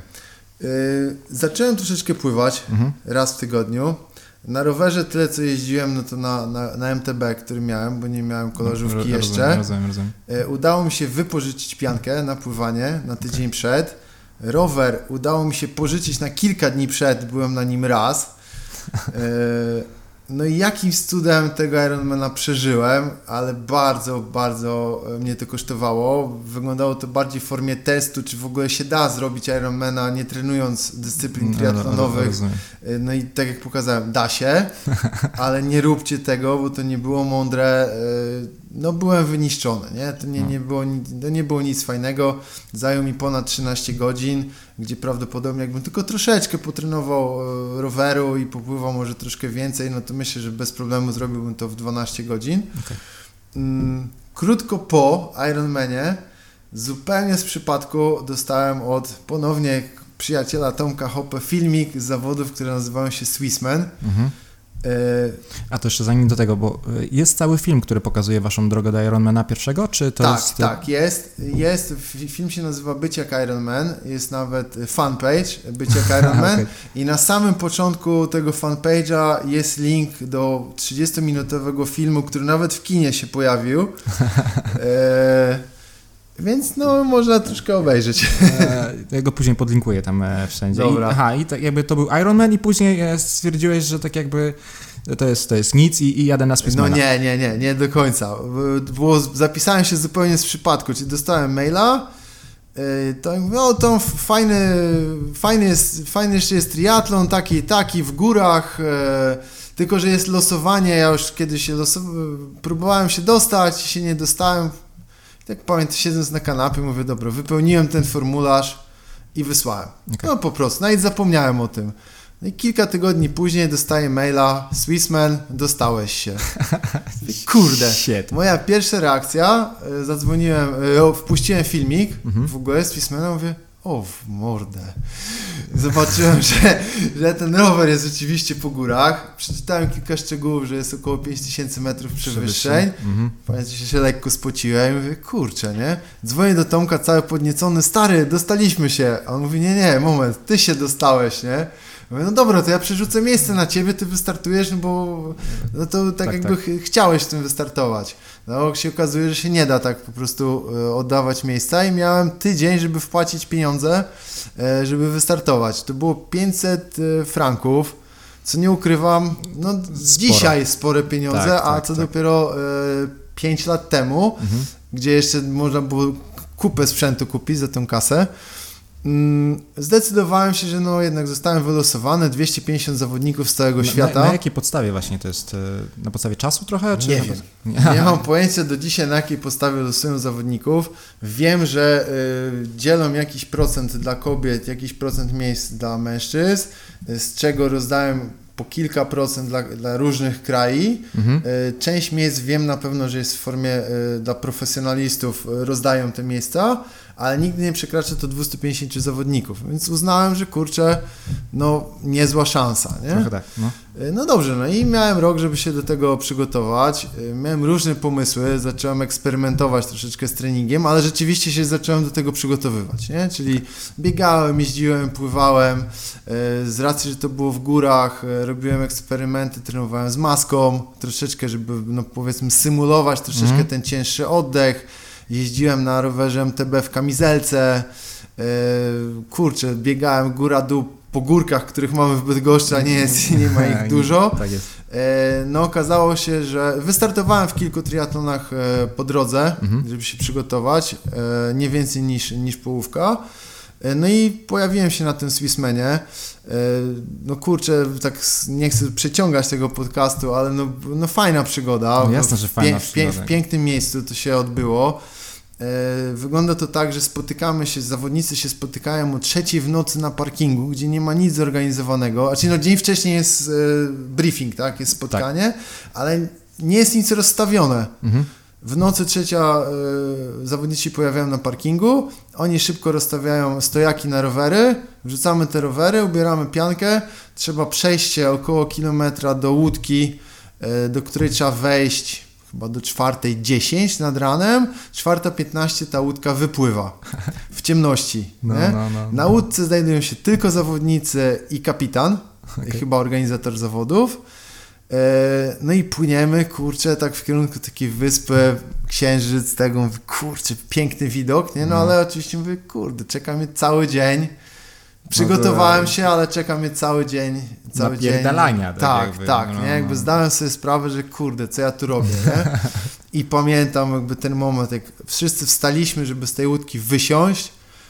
Ja byłem na, u, na piętrze u góry, nie? Mhm. Tak jakby ostatni. I wszyscy wstali, ja wstałem. Ja się poczułem jak, kurde, olbrzym. Wszyscy ważyli w granicach 60-70 kilo. Wzrost, nie prawdopodobnie 1,70 m a ja 1,94 m i 100 kilo, nie? No po prostu mówię, no dobra, nie? Jedziemy. Fajne było to, że wchodziliśmy do wody, punkt okay. piąta wystartowały zawody, z pływaniem zero problemów, tam godzinka z groszem, to zrobiliśmy, pięknie, słońce troszeczkę wyszło, no niesamowite. Mhm. E, rower, wsiadłem na rower, tam śniadanko i, i ruszyłem. Byłem mniej więcej w połowie stawki, plus minus po, po pływaniu, więc nieźle. Na rowerze już zaczęli mi ludzie e, pomalutku wyprzedzać. Tych górek było mało, nie? No i okazuje się, że trasa wygląda tak, że pierwsze 70-80 km tak jakby bardzo, ale bardzo wolno się wspinamy, ale jakby dojeżdżamy do gór w mhm. ogóle, nie? No i tam się zaczyna zabawa, nie? Czyli Zaczynają... po, po, połowie trasy dopiero tak No tak po 70-80 kilometrach, czyli jakby do tak, gór tak, dojechać tak, i wtedy już widzisz góry no blisko mhm. i się zaczyna wspinaczka. No i nie zapomnę tego momentu, że pierwsza górka taka średnia, przerzucam przerzutki, kurde, co jest, nie? Na pewno się zepsuły, nie? Mówię, coś jest nie tak, nie? Patrzę, nie, no jest jest, przerzuciłem wszystkie. o, fuck, nie? Będzie grubo, nie? Czyli na najniższej przerzutce pod pierwszą górkę było Pierwsza już ciężko górka podjechać. i to no, taka no, no. naprawdę, no, no nie było 10 stopni na pewno, nie? I wtedy sobie zdałem sprawę, że wszystkie te treningi, które zrobiłem, to nawet to nie oddaje w ogóle to, co mnie czeka Rozumiem. i już świadomiłem sobie, że no mam przekichane, nie? No i później jakby po kilku kilometrach tam takich średnich górek zaczyna się ta pierwsza serpentyna z dwudziestu paru zakrętów, mhm. gdzie się wjeżdża na 2,5 tysiąca metrów, nie? O ja, nie? Zaczęło się skurcze, zaczęło się to, że musiałem schodzić z roweru kilka razy. Okay. E, tam jest kostka brukowa. Mhm. E, pamiętam, że już dojeżdżałem w ogóle już pojawiła się Karolina i, i mój kolega Grucha e, jako support. Widziałem ich z daleka, oni machali się, cieszyli. Ja mówię, no nie dojadę, muszę się na chwilę zatrzymać. No i zatrzymałem się, nie wypiąłem się gleba, nie?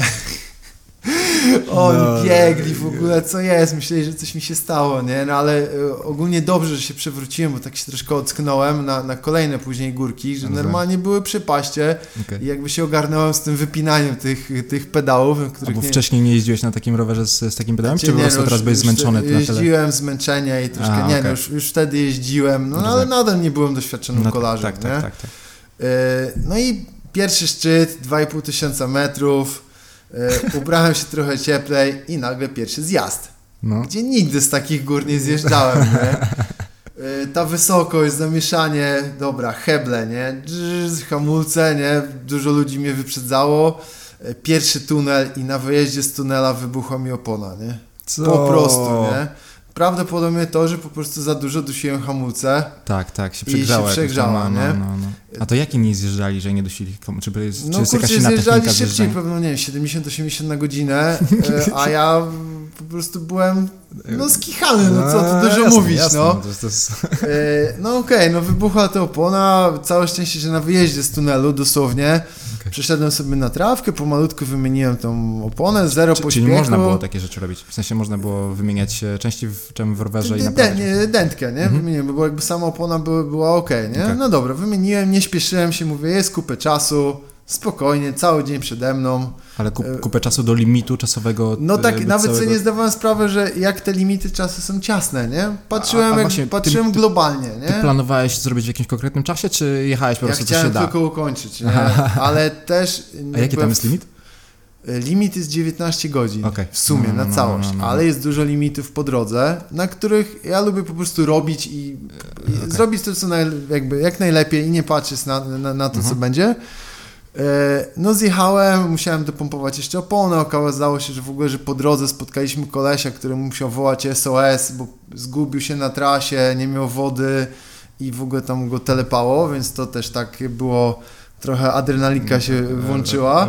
E, no i zaczął się drugi szczyt, nie? E, tak zwany Furka Pass, który znowu po zjeździe wracaliśmy znowu na 2,5 tysiąca metrów, nie? Mhm.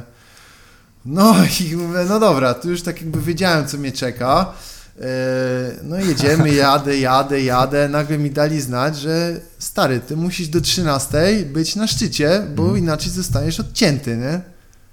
Kurde, ale jak? O 13? No tak. No to dzida, nie? Już mi się włączy, dobra, trzeba cisnąć. E, jak już myślałem, że jestem na samej górze, Wychodzę z zakrętu, okazuje się, że jeszcze czeka ogromna prosta pod górę, nie? No, no trochę zbiło z nóg. Patrzę, że wybija godzina 13, nie? tam ekipa organizatorów zaczęła dzwonić do Karoli w ogóle co się dzieje, czy mi się coś stało i tak no, dalej. No. Mówi, nie, nie, jest, przybiła mu się opona, on już dojeżdża, dajcie mu chwilę. E, oni mi przedłużyli, okay. e, czyli dali mi szansę. Ja byłem chyba około 10 minut, 10 albo 15 minut po, po czasie. No, no, no. E, no, z racji, że rzeczywiście przybiła mi się opona, dali mi szansę przyjechać. Tam była kontrola też lekarza, mhm. żeby sprawdzić, czy, czy jest ok. Kolejny zjazd, ten już był fajny, bo się troszeczkę przyzwyczaiłem do zjazdów. Ja myślałem, że to już koniec, że w sensie, że już teraz do mety i, i ten. Że usiadłem chwilkę na ławce i Karol, i Karola zdała sobie sprawę, że, że, on, że ja nie wiem, co mnie czeka, nie? Że ja chyba ze zmęczenia wymazałem sobie z głowy, że są trzy, ogrom, trzy ogromne szczyty, a nie dwa. No, no, no, I jak zobaczyłem za zakrętu, że mnie czeka trzeci, to mówię, ja. No dobra, no się wziąłem do roboty, ten szczyt e, podjechałem. Y, zjazd był z 20 km w dół, nie? Y, prędkości tam, no ja tak dobijałem do 70 na godzinę, y, petarda, już wtedy naprawdę się cieszyłem, że po prostu coś nie, nie, niesamowitego. Kilometry lecą szybko. Tak, no. leciało no. szybko, no dojechałem do tej mety w ogóle też na granicy limitu czasowego, tam graniczyło z minutami. Mhm. E, też była kontrola lekarza, pamiętam, że e, mówię, kurde, żeby tylko to przejść, nie? Żeby tylko to przejść, to trzeba było zamknąć oczy, trafić w nos, w ogóle e, szok. No i czekał mnie maraton, nie? Wiedziałem, że jest ciasno z limitem, wierzyłem, że to zrobię, no, no to okay. całkiem nieźle się czułem. Gdzieś tam po drodze pojawiły się też skurcze i tak dalej.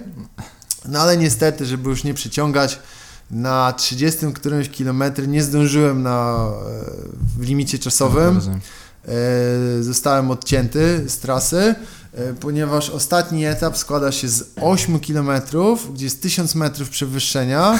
Oni przepuszczają tylko ludzi ze swoim supporterem, z, z rzeczami ciepłymi, tam z kocem, z jedzeniem i tak dalej. Jedyna droga powrotu to jest powrót taką kolejką, która wraca o 12 w nocy. Więc po prostu dla bezpieczeństwa nie puszczają, bo średnio tą ostatnią, e, te ostatnie 8 km robi się no z 2-3 godziny. Nie mówiąc o, o prosach oczywiście. Nie? Shit, no. Więc zostałem odcięty, no okej, okay, fajne doświadczenie, super. E, no i była myśl, no dobra, czy się zapisać znowu, czy się nie zapisać. Ja bardzo chciałem wrócić do treningu crossfitowego, takiego typowego, no bo gdzieś to uderzyło w tam z ciężarami i tak dalej, tak, tak, a tak. jednak jakby naj, najbardziej mnie jakby, jakby interesował trening crossfitowy. No ale stwierdziłem, że nie mogę tak tego zostawić. Zapisałem się ponownie na, na Swissmana. Okazało się, że po raz drugi się dostałem. Co? Pamiętam, że w zgłoszeniu napisałem, że jakby proszę o drugą szansę i no, nie wiem, no, czy no, przeczytali, no, no rzeczywiście no, mi dali tę szansę, może zapamiętali, że był taki koleś, który walczył z limitem czasowym. Co za i ty? No. no i przyłożyłem się do tego przygotowania. E, okazało się, że jakby ja byłem mega przygotowany, naprawdę, już jakby dużo, jakby to było fajne, że bardzo dużo się nauczyłem, nie? Jakby na, na, o sobie, e, no i w ogóle, żeby przygotowywać też innych, nie? jeśli mhm. chodzi o triatlon. Mhm.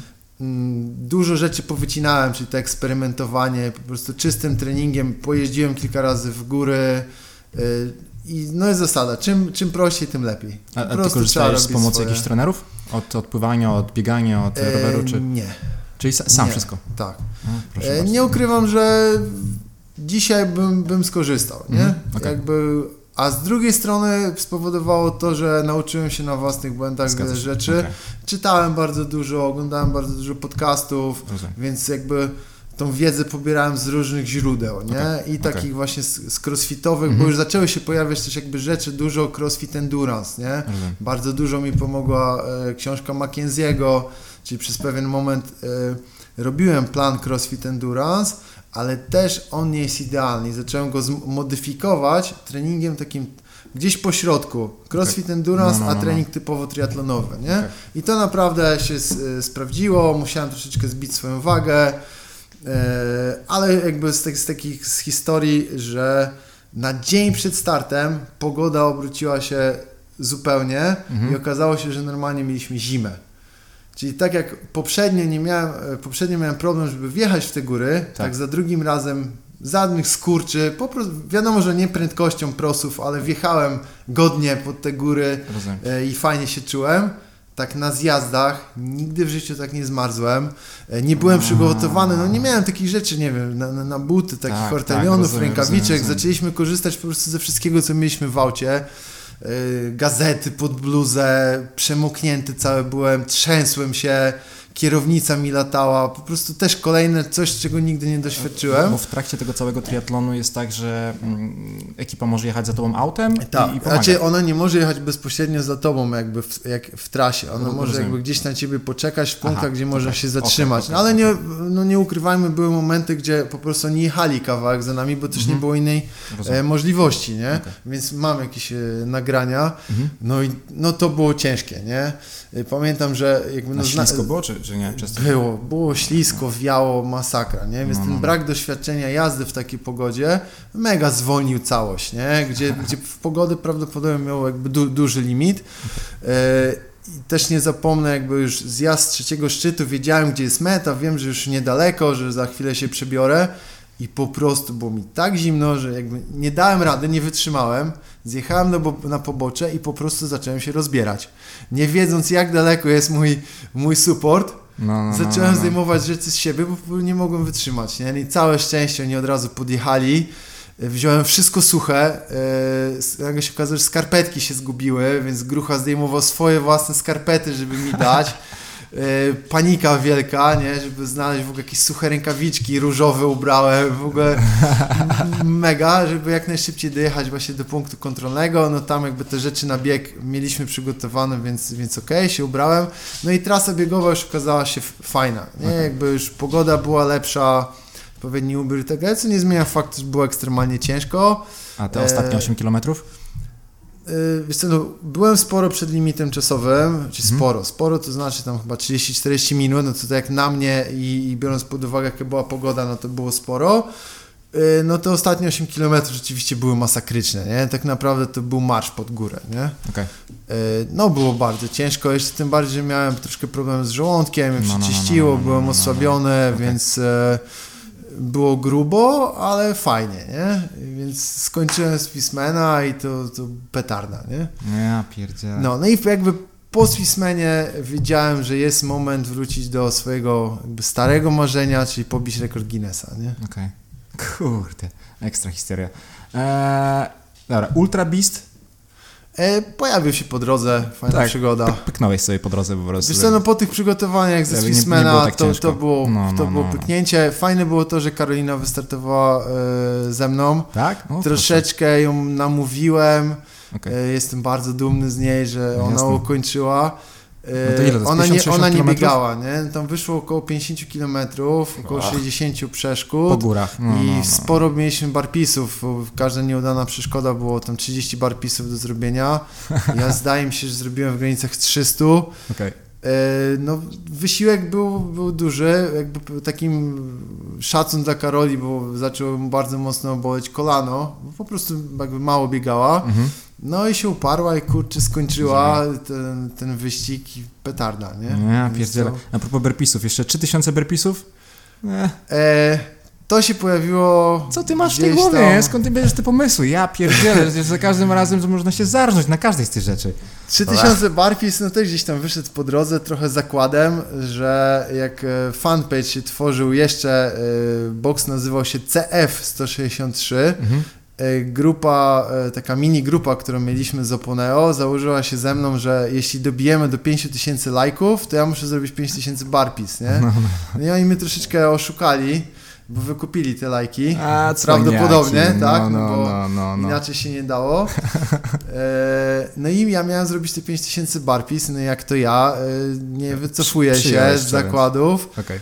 E, ale po prostu więcej nie dałem rady, nie? Wiedziałem, wszystko szło planowo, e, tam do 2000, od 2300 wiedziałem, że no 5000 nie zrobię, chyba, że zrobię jakąś, nie wiem, kosmiczną przerwę, więc stwierdziłem, że dobrze, jadę do 3000, dla mnie jest ok. E, jestem wysoki, więc miałem po prostu problem z błędnikiem, nie? Że po prostu mnie zaczęło bujać na boki, nie? Czyli gdzieś tam fizycznie okay. się w miarę dobrze czułem. A miałeś jakiś plan, że miałeś jeden burpee na ileś sekund, czy coś takiego? Wiesz co, miałem plan, bo zakład też polegał, no nie pamiętam ile, ale ukończyć 5000 burpees, jeśli się nie mylę, w 12 godzinach. No, no, no. Chyba, nie? I w pewnym momencie zdałem sobie sprawę, że niestety tego już nie dam rady, ale chcę, chcę sobie zrobić okay. x tych burpees. E, no i tego też bym nie, jakby tego już bym nie powtórzył. nie, jasne, że nie. Bo jak na moje 1,94 y, takie miałem biodra pospinane później, nie? No, Za dużo wiesz, mi się to po prostu wiesz, odbiło tak, e, no może zdrowotnie. zdrowotnie to dużo powiedziane, ale tak, że no musiałem kilka miesięcy tam się później zbierać trochę, nie? A ja, to 3000 wiele czasu? 9 godzin robiłem, nie? Ja. To nie jest też jakimś ogromnym wyczynem, jakby dużo osób jest w stanie zrobić dużo szybciej, ale jak dla mnie yy, ale na tamte du, czasy... Osób nie ma 100 kilo i 90, 194 cm, Tak, nie? dlatego to jest... to jest taki, taki jeden challenge, z którym cieszę się, że go zrobiłem, ale nie chcę go powtórzyć, Okej, okej. Okay, okay. Ale jak to, bo crossfit to jest coś, szybkie treningi, e, jakby wysokie tętno, e, tak samo kajaki, też e, raczej tak jakby to jest, to jest sprint, no nie? No kajaki dzielimy, no sprint, y, średni A, dystans, długi dystans, nie? Ja pływałem głównie na dystansie 1000 metrów, byłem może okay. powiedzieć najlepszy, okay. ale czym, e, czym krótszy dystans niż 1000 metrów, to już nie miałem do tego predyspozycji, Rozumiem. czy nie byłem taki szybki. Też pływałem, ale nie byłem w no, no tym no, no. taki dobry, a czym dłuższy dystans zawsze, tym byłem lepszy, tym miałem a. predyspozycję Aha, czyli to już od początku było widać, że ty idziesz właśnie w takie tak, długodystansowe tak, tematy. Tak, nie? Yy, na olimpiadzie mieliśmy dystans 1000 metrów, gdzie w ogóle startowałem dwójkę na 500 metrów, czyli też nie, nie, nie, Aha, nie startowałem na dystansie, którym jestem predysponowany. W którym nie? momencie ci się włączyło to, żeby robić takie właśnie endurance'owe rzeczy, w sensie, że... że... No, już, już było widać od dziecka, że mam do tego predyspozycję, nie? Jakby po pierwsze mentalnie, bo mój ojciec robił takie rzeczy, okay, okay. Yy, po drugie, że bardzo lubiłem, ale gdzieś tam w wieku 15 lat zacząłem startować w maratonach kajakowych. Znaczy w ogóle były zawody na długim dystansie i maratony. Długie dystanse w kajakach to jest 5 km albo 10, a maraton to już jest 20-30 km, to już jest traktowane jako maraton e, w kajakach. No mhm. i z reguły no, prawie wszystkie zawody, które gdzieś się tam pojawiałem, wygrywałem. Mhm. E, bardzo je lubiłem. Tam, tam można e, płynąć na fali. Pływanie na fali to jest coś w stylu draft, e, draftingu na rowerze. E, troszkę cwaniakowania, też no, taka umiejętność, tak jak w peletonie się jeździ na rowerze, to tak, to tak jakby bardzo to lubiłem. Okej, okej. Okay, okay. I, I, wszystkie te twoje e, tak jakby osiągnięcia to są rzeczy związane z kilkanaście godzin pracy, nie? Jakby no, zaczynając od 3000 burpeesów w 9 godzin. Ja pierdzielę. Kiedyś gdzieś widziałem w jakimś filmiku, że jak, jak płyniesz tyle czasu kajakiem, to nie myślisz o niczym. Jakby, y, czy ja, też mam ogólnie w głowie, żeby zrobić Ironmana w którymś momencie. Jakby wcześniej się wycofałem z powodów zdrowotnych, ale ja nigdy nie robiłem, zawsze koszykówka, później ten crossfit, to są tak jakby rzeczy, które się zamykają w 12 minutach, e, jakieś szybkie sprinty. E, ja nigdy nie, nie umiałem, nie, nie miałem jakiejś takiej potrzeby, żeby długo biegać. To zawsze mi się nudziło, ale jakby wiem, że bez tego nie jestem w stanie tak naprawdę w żaden z tych sportów e, wytrzymałościowych pójść jakby, jak, co ja mam zrobić, żeby dłużej, dłużej tak jakby ogarniać te rzeczy? W sensie... To na pewno praca taka y, mentalna, nie? że na przykład ja też, też nigdy nie lubiłem długo biegać, nie? Mhm. E, ale z racji, że to było częścią danego challenge'u, to po okay. prostu nie ma innej drogi, tak? E, ja też zawsze jakby nadal stawiam to tak, że ok, w niektórych rzeczach robimy, bo mamy do tego jakby jesteśmy ukierunkowani w danej dyscyplinie, możemy to robić, żeby być najlepszym, mhm. albo robić pewną dyscyplinę, żeby stać się lepszym w tym, co chcemy rzeczywiście okay. robić, okay. albo robimy to jako challenge, żeby tak naprawdę budować mental, który jest najważniejszy no, no, no. w tej dyscyplinie naszej docelowej, nie? Ja, I dużo ludzi jakby troszeczkę jakby wąsko myśli, okay. czyli żeby stać się najlepszym w triatlonie, a muszę robić tylko triatlon. Rozumiem. Wybij się troszeczkę z tego, okay. daj sobie inny bodziec, no, no, zrób no, no. coś, co jest ci ciężko, okay. czyli na przykład chcesz być super w triatlonie, zrób maraton na ergometrze wyślarskim. Zobaczysz, jak ci będzie dupa bolała. No, no, Jeśli no, wytrzymasz przypłynąć i nie zejdziesz z niego, przebijesz swoje własne jakieś granice, a i to ci pomoże w tym twoim triatlonie, nie? To nie znaczy, że pobijesz rekord świata na ergometrze wyślarskim, Rozumiem. No nie, nie zawsze o to okay, chodzi. Zrobisz swój jakiś czas, w pewnym momencie możesz się podjąć, zrobić troszeczkę lepszy czas od tego, co zrobiłeś, mm -hmm. ale staniesz się lepszy w swojej dyscyplinie tej, którą chcesz Czyli ogólnie robiąc już któryś kolejny maraton taki biegowy, już jesteśmy trochę w strefie komfortu swojego, nie? W sensie wiadomo, to jest zawsze wysiłek, ale cały czas mniej więcej ty sam, czyli mówisz, że trzeba kombinować i szukać jakichś innych wyzwań, mimo że one na przykład nie bezpośrednio przekładają się na nasz wynik w biegu. Zdecydowanie tak. Okay, nie? Czyli jakby okay. wychodzenie ze strefy komfortu mhm. jest po to, żebyś się czuł komfortowo w swojej strefie dyskomfortu. Okay. I to jest najważniejsze e, ze wszystkich challenge'ów, które a, długo trwały. W którym nie? kierunku z tym wszystkim idziesz, z tymi wszystkimi twoimi challenge'ami? Gdzie, gdzie Dobre ty, pytanie. No bo jakby ty, ty robisz je wszystkie jakby doszlifowując swój jakiś tam e, jakby mentalny tak jakby wysiłek i tak jakby swoją odporność, ale gdzie to wszystko, jakby do czego dążysz w tym wszystkim? E, naprawdę dobre pytanie, wiesz, no po kilku latach zaczyna mi się to troszkę nawet układać, czemu to robiłem no, no, no. I, i, co chcę robić dalej. E, tak jak opowiadałem o Ironmanie, Ironman był gdzieś marzeniem, jeszcze jak trenowałem kajaki wyczynowo, mm. nie zdawałem, jakby nie wyobrażałem sobie, jak ktoś może jechać 180 km na rowerze. Mm. Dzisiaj wsiadłbym teraz i pojadę, mhm. jakby, na, jakby nawet, nie bez bidonu z wodą, tak? Rozumiem. E, a wtedy było trochę nierealne, więc wiedziałem, że kiedyś chcę to zrobić. Jak to zrobiłem, zupełnie przypadkowo się zapisałem na Swissmana, tak jak opowiadałem. E, barpisy, zakłady, bieg ultra gdzieś tam po drodze okay. i myślę, że to była po prostu droga, e, którą obrałem nieświadomie, mhm. żeby się przygotować do swojego głównego marzenia, e, czyli pobicie rekordu Guinnessa kajakiem. To był mój Everest, tak? Czyli dla mnie aktualnie nie ma wyższej góry, nie chcę zdobywać większych, większych gór. Nadal, czy już Nadal. po zdobyciu? Ja, ja, jakby ja, jakby to jest mój Everest. Teraz założeniem jest zdobywać kolejne szczyty. po drodze, ale okay. inne, niższe, Rozumiem. spokojniejsze, co nie oznacza, że y, dany wysiłek będzie krótszy od 24 godzin czy dłuższy. Okay. Raczej chcę iść w dłuższe wysiłki, mhm. troszeczkę, żeby pracować nadal sobie na stronie, ze strony jakby mentalnej. Okay. E... Bo jakby 24 godziny w kajaku, 253 km i to był twój najcięższy challenge, jaki zrobiłeś? Zdecydowanie tak. No to, to, to tego, już, tego już nie nazwę jako challenge. Nie? No to było marzenie, marzenie z dzieciństwa, mhm. które w pewnym momencie stało się po prostu celem. Nie? E, wiele rzeczy tam rozmawialiśmy o mojej drodze jakby tak. życiowej, wybijało mnie to w ogóle e, gdzieś z rytmu pomysł, pomysł nawet nie, jakby misja bicia rekordu Guinnessa już się pojawiła w 2006. Mhm. Czyli jak kto słucha podcast, no to już był moment, gdzie wróciłem do Polski, a nie radziłem sobie w życiu, więc e, no ciężko było ukierunkować się na trening e, pod Guinness, tak też jest. biorąc pod uwagę, że dwa lata byłem nianią, nie? więc gdzieś się to tam nie wkleiło. E, w 2009 roku, gdzie już trochę pływałem kajakiem i tak dalej, i tak dalej, dorosłem do tego, że chcę to ponownie zrobić, ale nie zrobiłem z różnych powodów. E, no i musiałem mocno dorosnąć do tego, po prostu porobić swoje głupoty, fizycznie się przygotować i tak dalej, żeby do tego się ponownie e, podjąć. Do, te, do, tego dochodzi fakt, że twój tata też trzymał rekord Guinnessa. Przez 13, 13 lat okay. posiadał ten Ale rekord. Ale to na rzece, z tego co, co kojarzę. Tak, tak, 24 godziny. E, na rzece. Nie? On ma ten rekord przez 13 lat i tam później został pobity przez e, innych zawodników. Okay. Nie?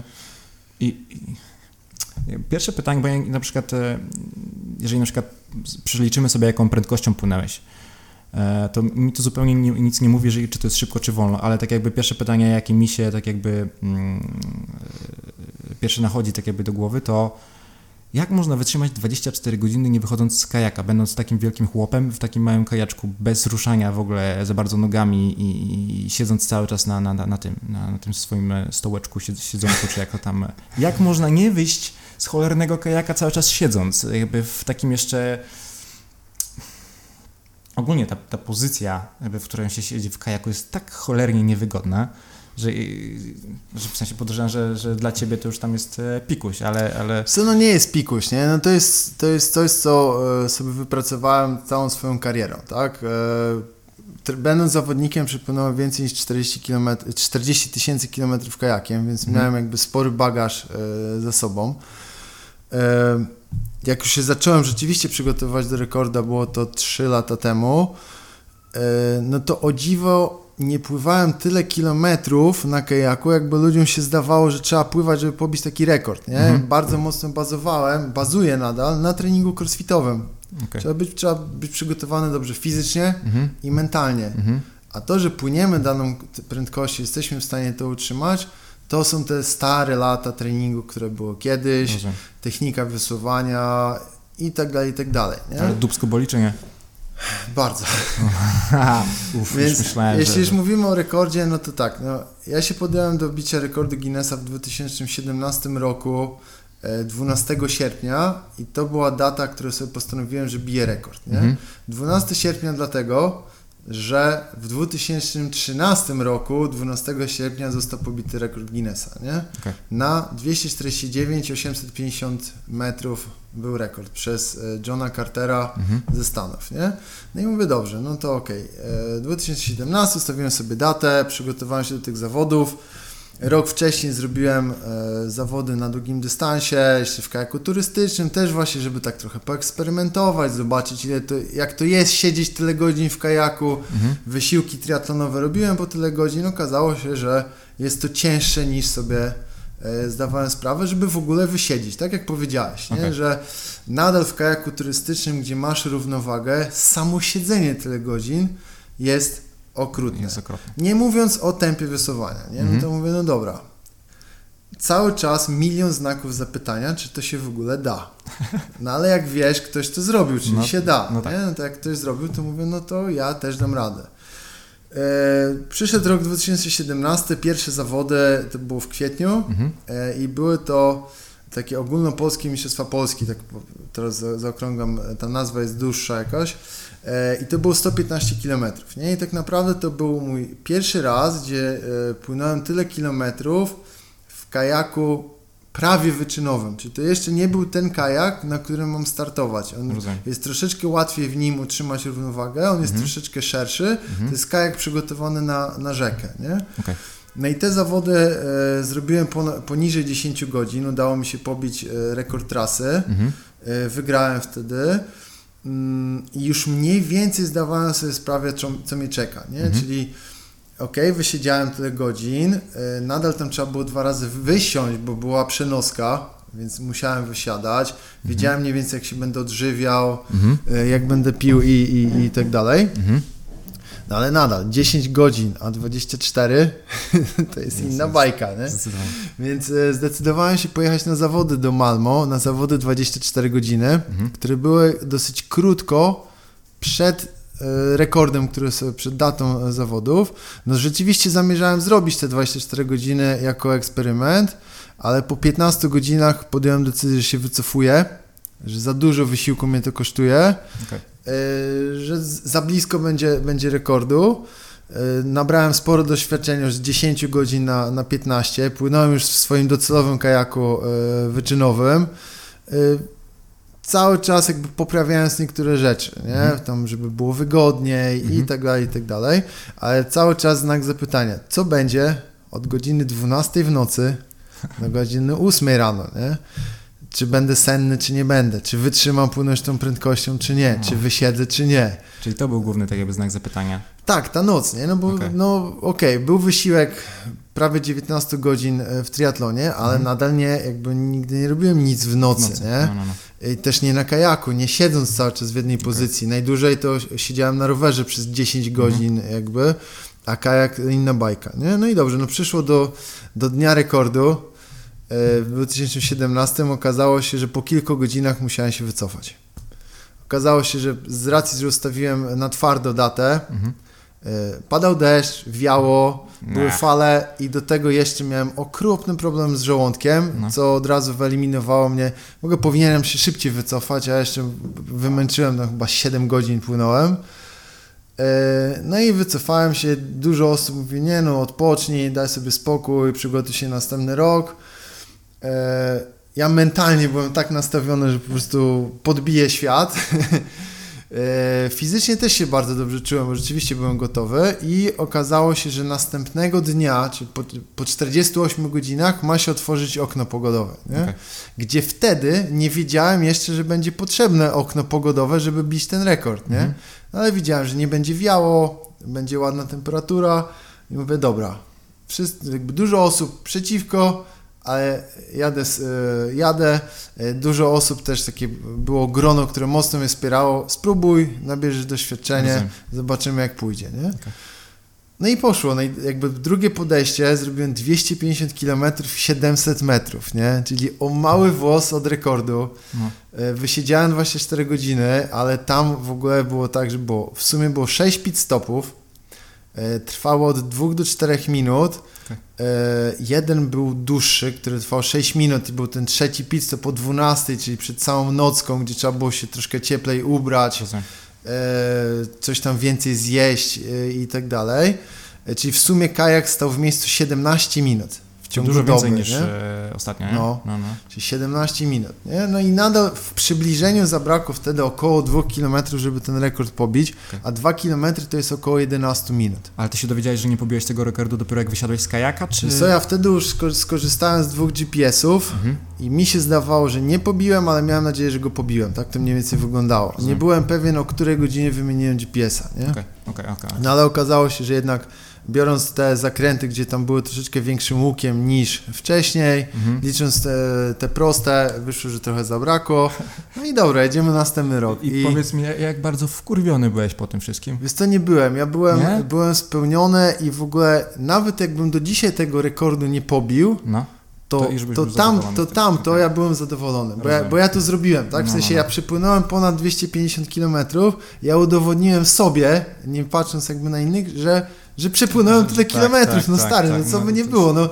Byłem, dru- miałem drugi wynik na świecie, Tak. najlepszy w Polsce, Tak.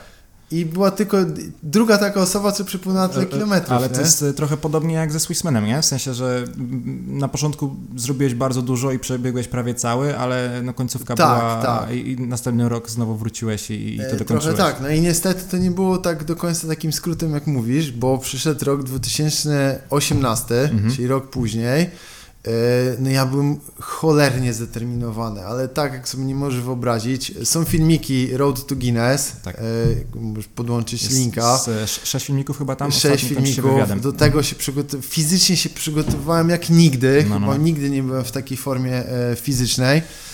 E, bardzo dużo trenowałem, dużo pływałem, wszystko.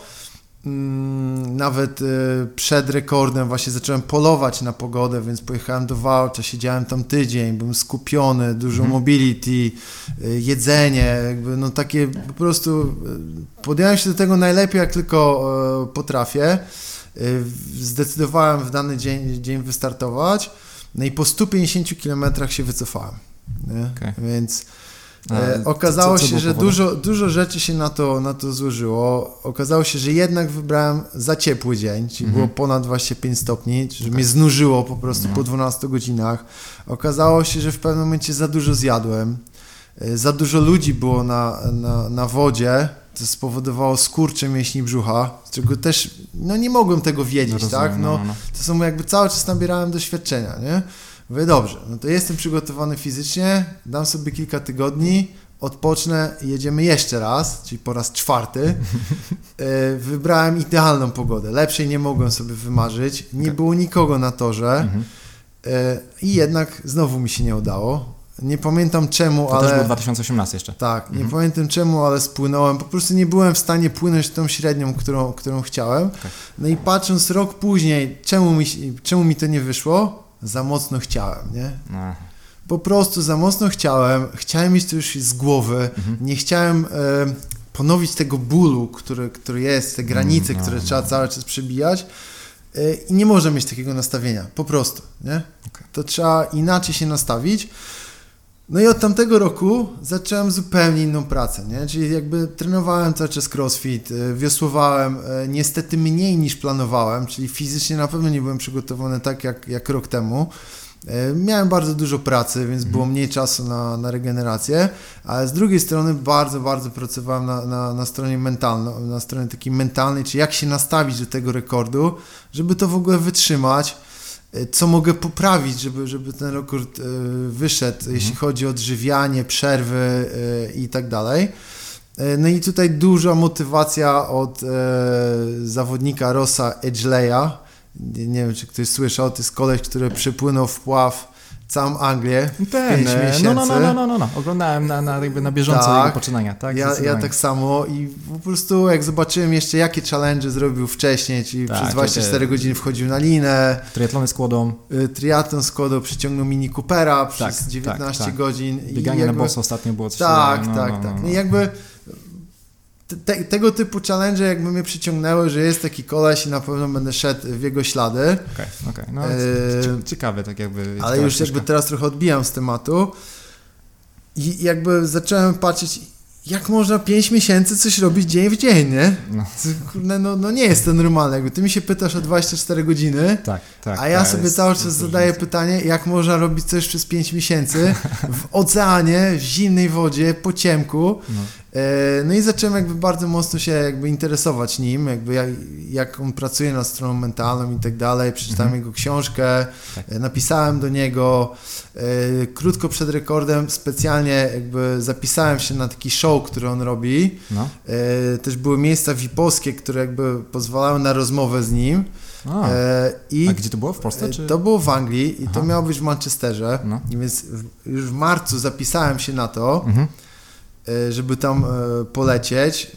Nie, po prostu chciałem machnąć sobie fotkę z nim tak naprawdę i posłuchać, co ma do powiedzenia. Okay. Skończyło się na tym, że e, będąc na lotnisku Manchester był, został odwołany, nie?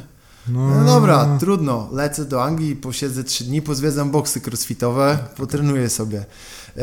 doleciałem tam, okazało się, że on ma jeszcze jeden ostatni show w Aberdeen. To jest 7 godzin trasy od Manchesteru.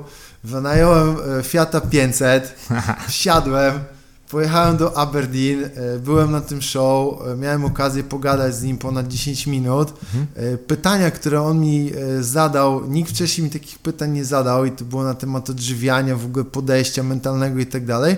Więc te 10 minut rozmowy z nim dało mi więcej niż w ogóle mógłbym sobie pomyśleć. I, i, jakie, jakie pytania ci zadawał? Wiesz co, nie chcę powtarzać, nie? To okay, już takie okay, zostawię okay, taki know-how no, no, no, dla no, no. siebie, nie? E, ale przez te 10 minut kilka małych decyzji, które mhm. podjąłem później pod swój rekord, mhm. zmieniły całe moje nastawienie do rekordu, nie? Hmm. To... Mogę troszkę, troszkę jakby zdradzić, że e, nie jesteśmy nic w stanie zrobić tak długiego, będąc spiętym, napiętym, musimy się zrelaksować, na, napalonym, no, no, nie możemy no, tak, no. jakby musimy chcieć, ale musimy się zrelaksować, nie? Okay. E, no i uśmiech, nie? Uśmiech powoduje, że jesteśmy wyluzowani, nie? Tak, to jest, to jest zdecydowanie ziomek z, cały czas z bananem na mordzie. Tak, nie? i ten banan, y, jego nie jest, tylko, nie jest tylko to, że on taki jest, ale też jest przez to, że to jest wytłumaczone fizjologicznie, nie? A, ciekawe. Też. Okay, okay. fajnie.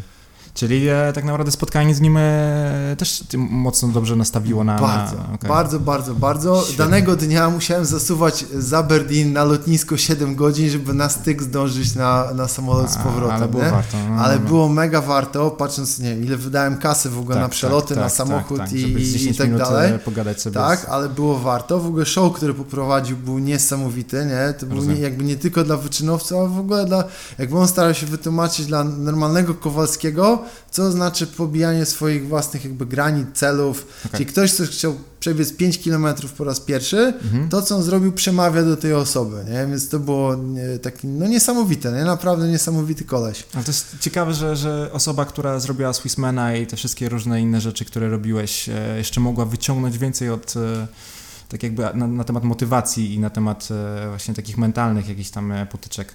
Jakby ja wierzę, że to trafia do przeciętnego człowieka, który nie ma tak jakby styczności z takimi rzeczami, ale że jeszcze aż do ciebie jest w stanie tak jakby dotrzeć bardziej? No zdecydowanie tak, nie? Świetna Dlatego sprawa. ja myślę, że no jakby no, jesteśmy, wszyscy nie mamy limitów, nie? Trzeba cały czas się uczyć, okay. iść do przodu. No, no. E, nie można patrzeć tak, że dobra, zrobiłem to i to, poskładałem wszystkie myśli. Nie. Okay każde podejście do każdego challenge'u, do każdego rekordu spowodowało to, że ten rekord pobiłem. Nie?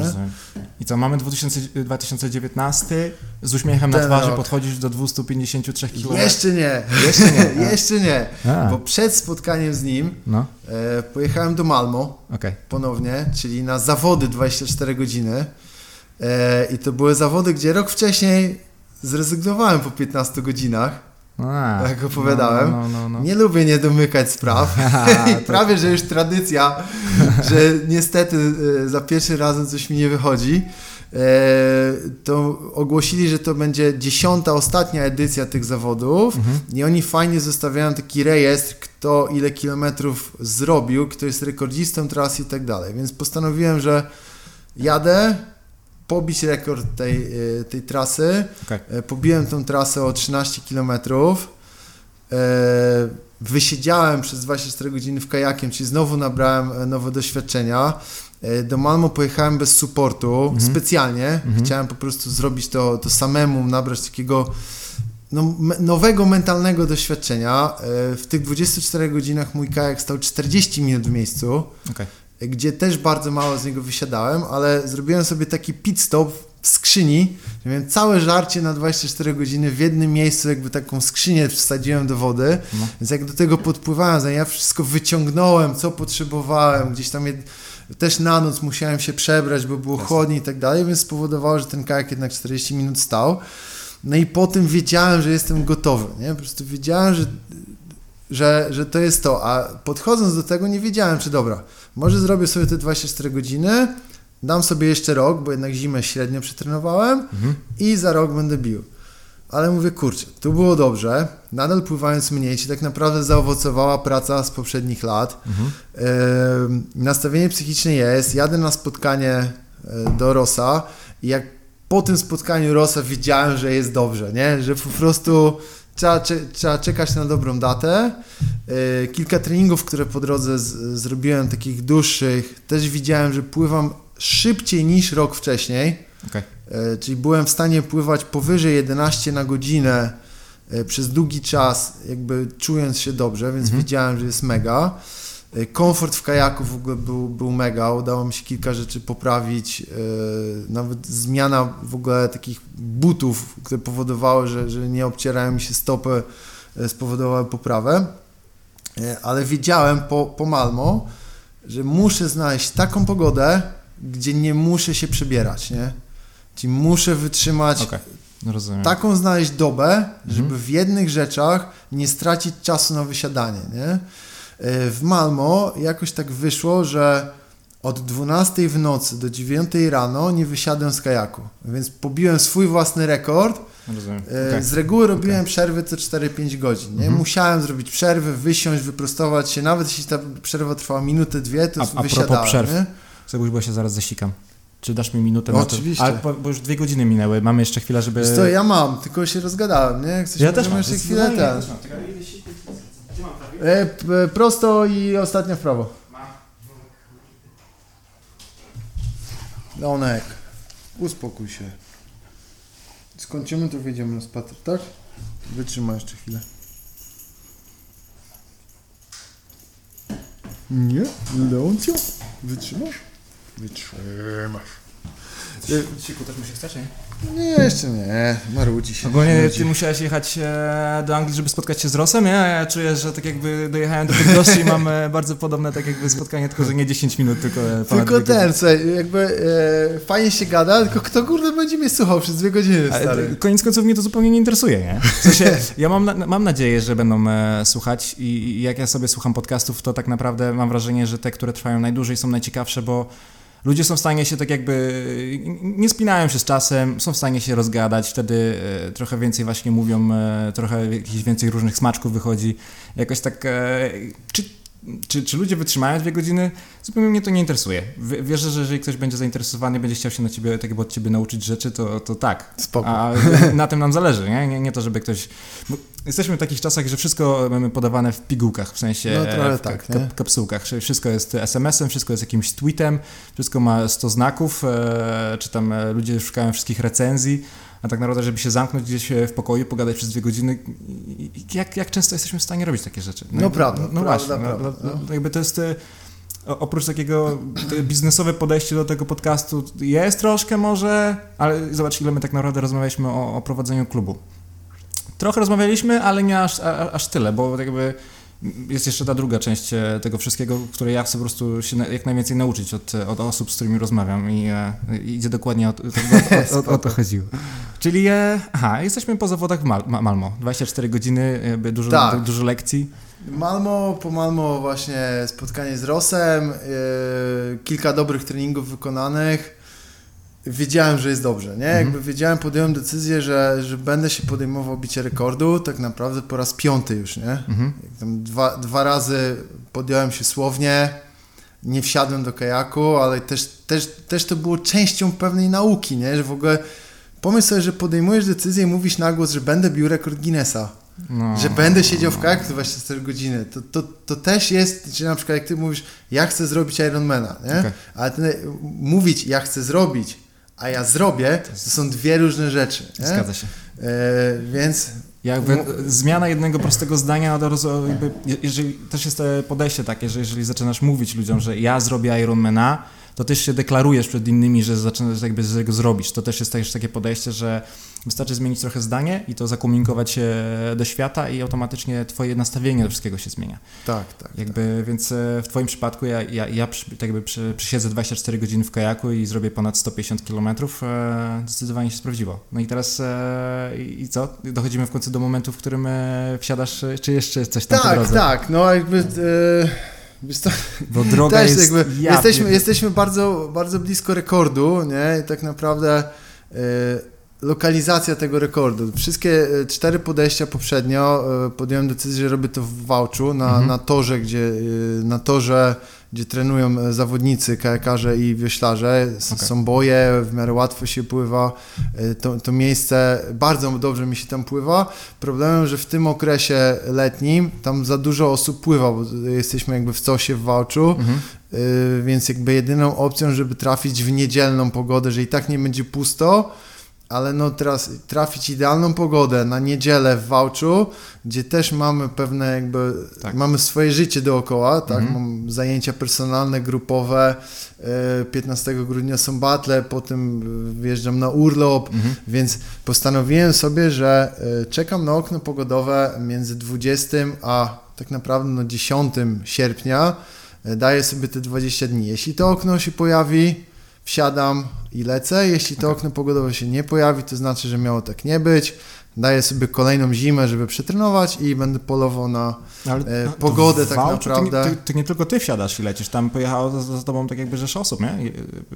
Ile osób ci kibicowało? E, właśnie, no to jest kolejny temat, że jakby okej, okay, ja podejmuję decyzję, no ale jest jeszcze cały e, support team, więc to nie jest taka e, decyzja z dnia na dzień, tak, tylko tak. trzeba no, kilka dni przed podjąć decyzję, no ale jeśli chodzi o pogodę, nie podejmiemy decyzji na tydzień przed, mhm Możemy kombinować, że zaczyna się pojawiać dobra pogoda, ale nigdy nie jesteśmy pewni, nie? Okay.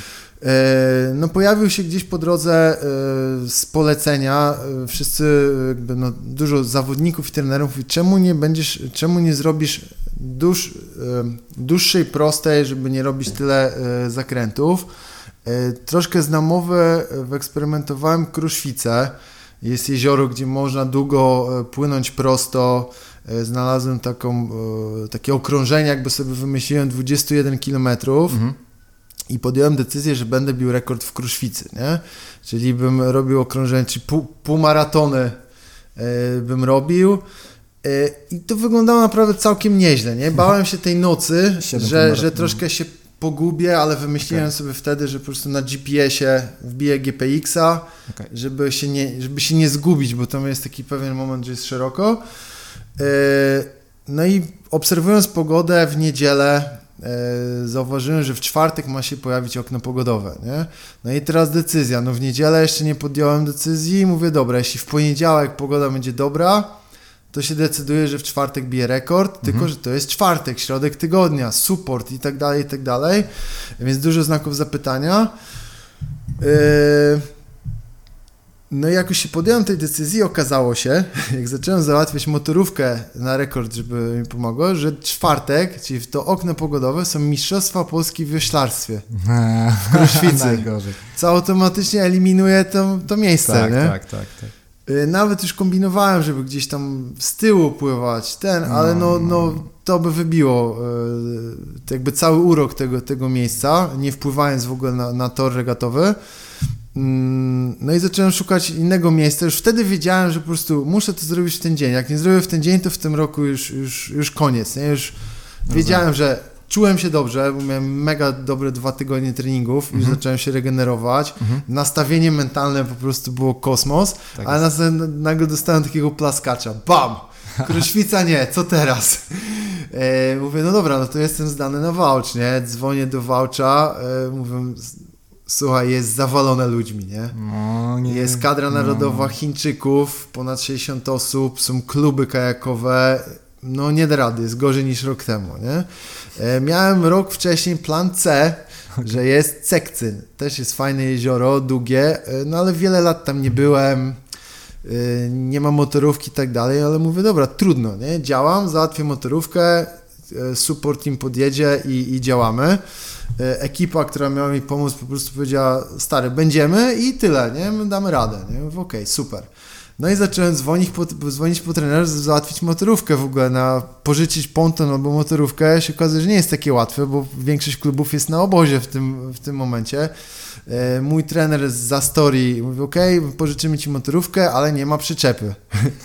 Musisz przyjechać po przyczepę do Oćwieki, mhm. weź sobie przyczepę, przyjeżdżasz do Bydgoszczy, bierzesz motorówkę, jedź sobie do, e, do Cekcyna, tylko to już był wtorek a rekord ma być w czwartek. Okay. I co, czym bliżej rekordu zapowiada się, że pogoda jest coraz lepsza. Mhm pokazuje coraz mniej wiatru, dobra temperatura, no, no, no. jest mega, nie? No dobra, okej, okay, jadę po tą przyczepę, nie? Mówię, miałem jechać w środę po przyczepę, mówię, dobra, pojadę we wtorek, żeby nie było bliżej tego rekordu. Dojeżdżając na ćwiekę, do, dzwoni do mnie trener, mówiła, czemu, czemu nie tam? Czemu, no tam jest super jezioro, super miejsce, e, dzieciaki ze story tam są na obozie, jest fajnie, nie? No i wsiadłem w motorówkę, przypłynąłem przez jezioro, rzeczywiście było widać, że e, prosta ma ponad 2,5 kilometra, Mhm. E, fajnie tak schowane to jezioro, energia fajna, bo właśnie dzieciaki, wszystko, pomoc dobry do podpływania. Mówię, dobra, super. E, decyzja, że tu nie będę musiał wozić motorówki, wszystko mi e, pasowało. No i tak naprawdę wtorek, w środę rano musiałem się pakować. A pakowanie, no trochę jest roboty, nie? Spakowanie kajaku, przygotowanie sprzętu, e, no kupno jedzenia, tak, no tak, tak, tak, się ogarnąć. Się okazało, że dopiero w środę po południu pojechałem do Oćwieki, zanim rozpakowałem wszystko, zrobiłem kolację, już był wieczór, a następnego dnia rano trzeba było bić kolację rekord, robiłeś nie? Coś, coś, konkretnego do jedzenia? Czy to miałeś się napchać, czy miałeś raczej tak Wiesz co, y, z tym jedzeniem koniec końców tyle się działo, że nie było czegoś takiego jak ładowanie węgli. No, no, no, no. Nie, nie, było na, okay. po prostu nie było na to czasu, nie? Jadłem w miarę normalnie, y, jestem na, na pudełkach z laboratorium kalorii, mhm. więc jak najdłużej trzymałem się tego jedzenia, rzeczy, które wiedziałem, że mogą mieć wpływ na żołądek na później, jakby już wycinałem, troszeczkę zacząłem, zjadłem pizzę jedną, gdzieś tam makaronu troszkę więcej, ale to nie było typowe Rozumiem. ładowanie okay. węgli, na przykład jakie robiłem e, na drugiego Swissmana, nie? Okay. Czyli, czyli nie przygotowałeś się jakoś tam dietetycznie do tego specjalnie? Jest... Nie, stwierdziłem, że po prostu lecę troszeczkę z biegu, ale Dobra. to też wywnioskowało troszeczkę z rozmów e, właśnie z Rosem na temat e, odżywiania, więc już plan odżywiania A, miałem okay. zmodyfikowany już Rozumiem. po rozmowie z nim mhm. też. E, i stwierdziłem, że nie mam nic do stracenia i po prostu eksperymentuję, trzymam się jego rad i zobaczymy, co z tego wyjdzie.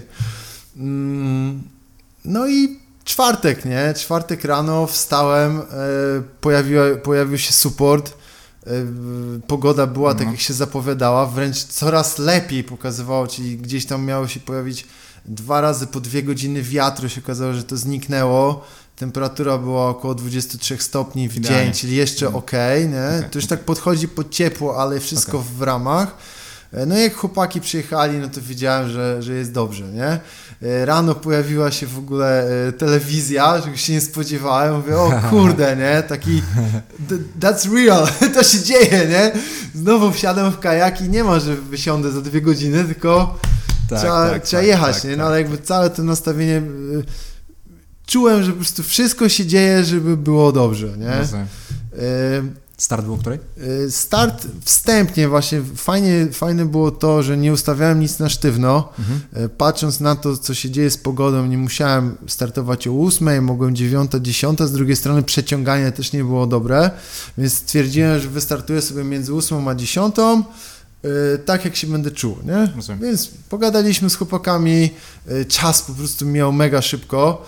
E, okazało się, że e, no po raz pierwszy w ogóle wsiadłem do kajaku przed rekordem, żeby sprawdzić, czy wszystko jest ok z kajakiem, z wiosłem tak, tak, tak. E, i tak dalej.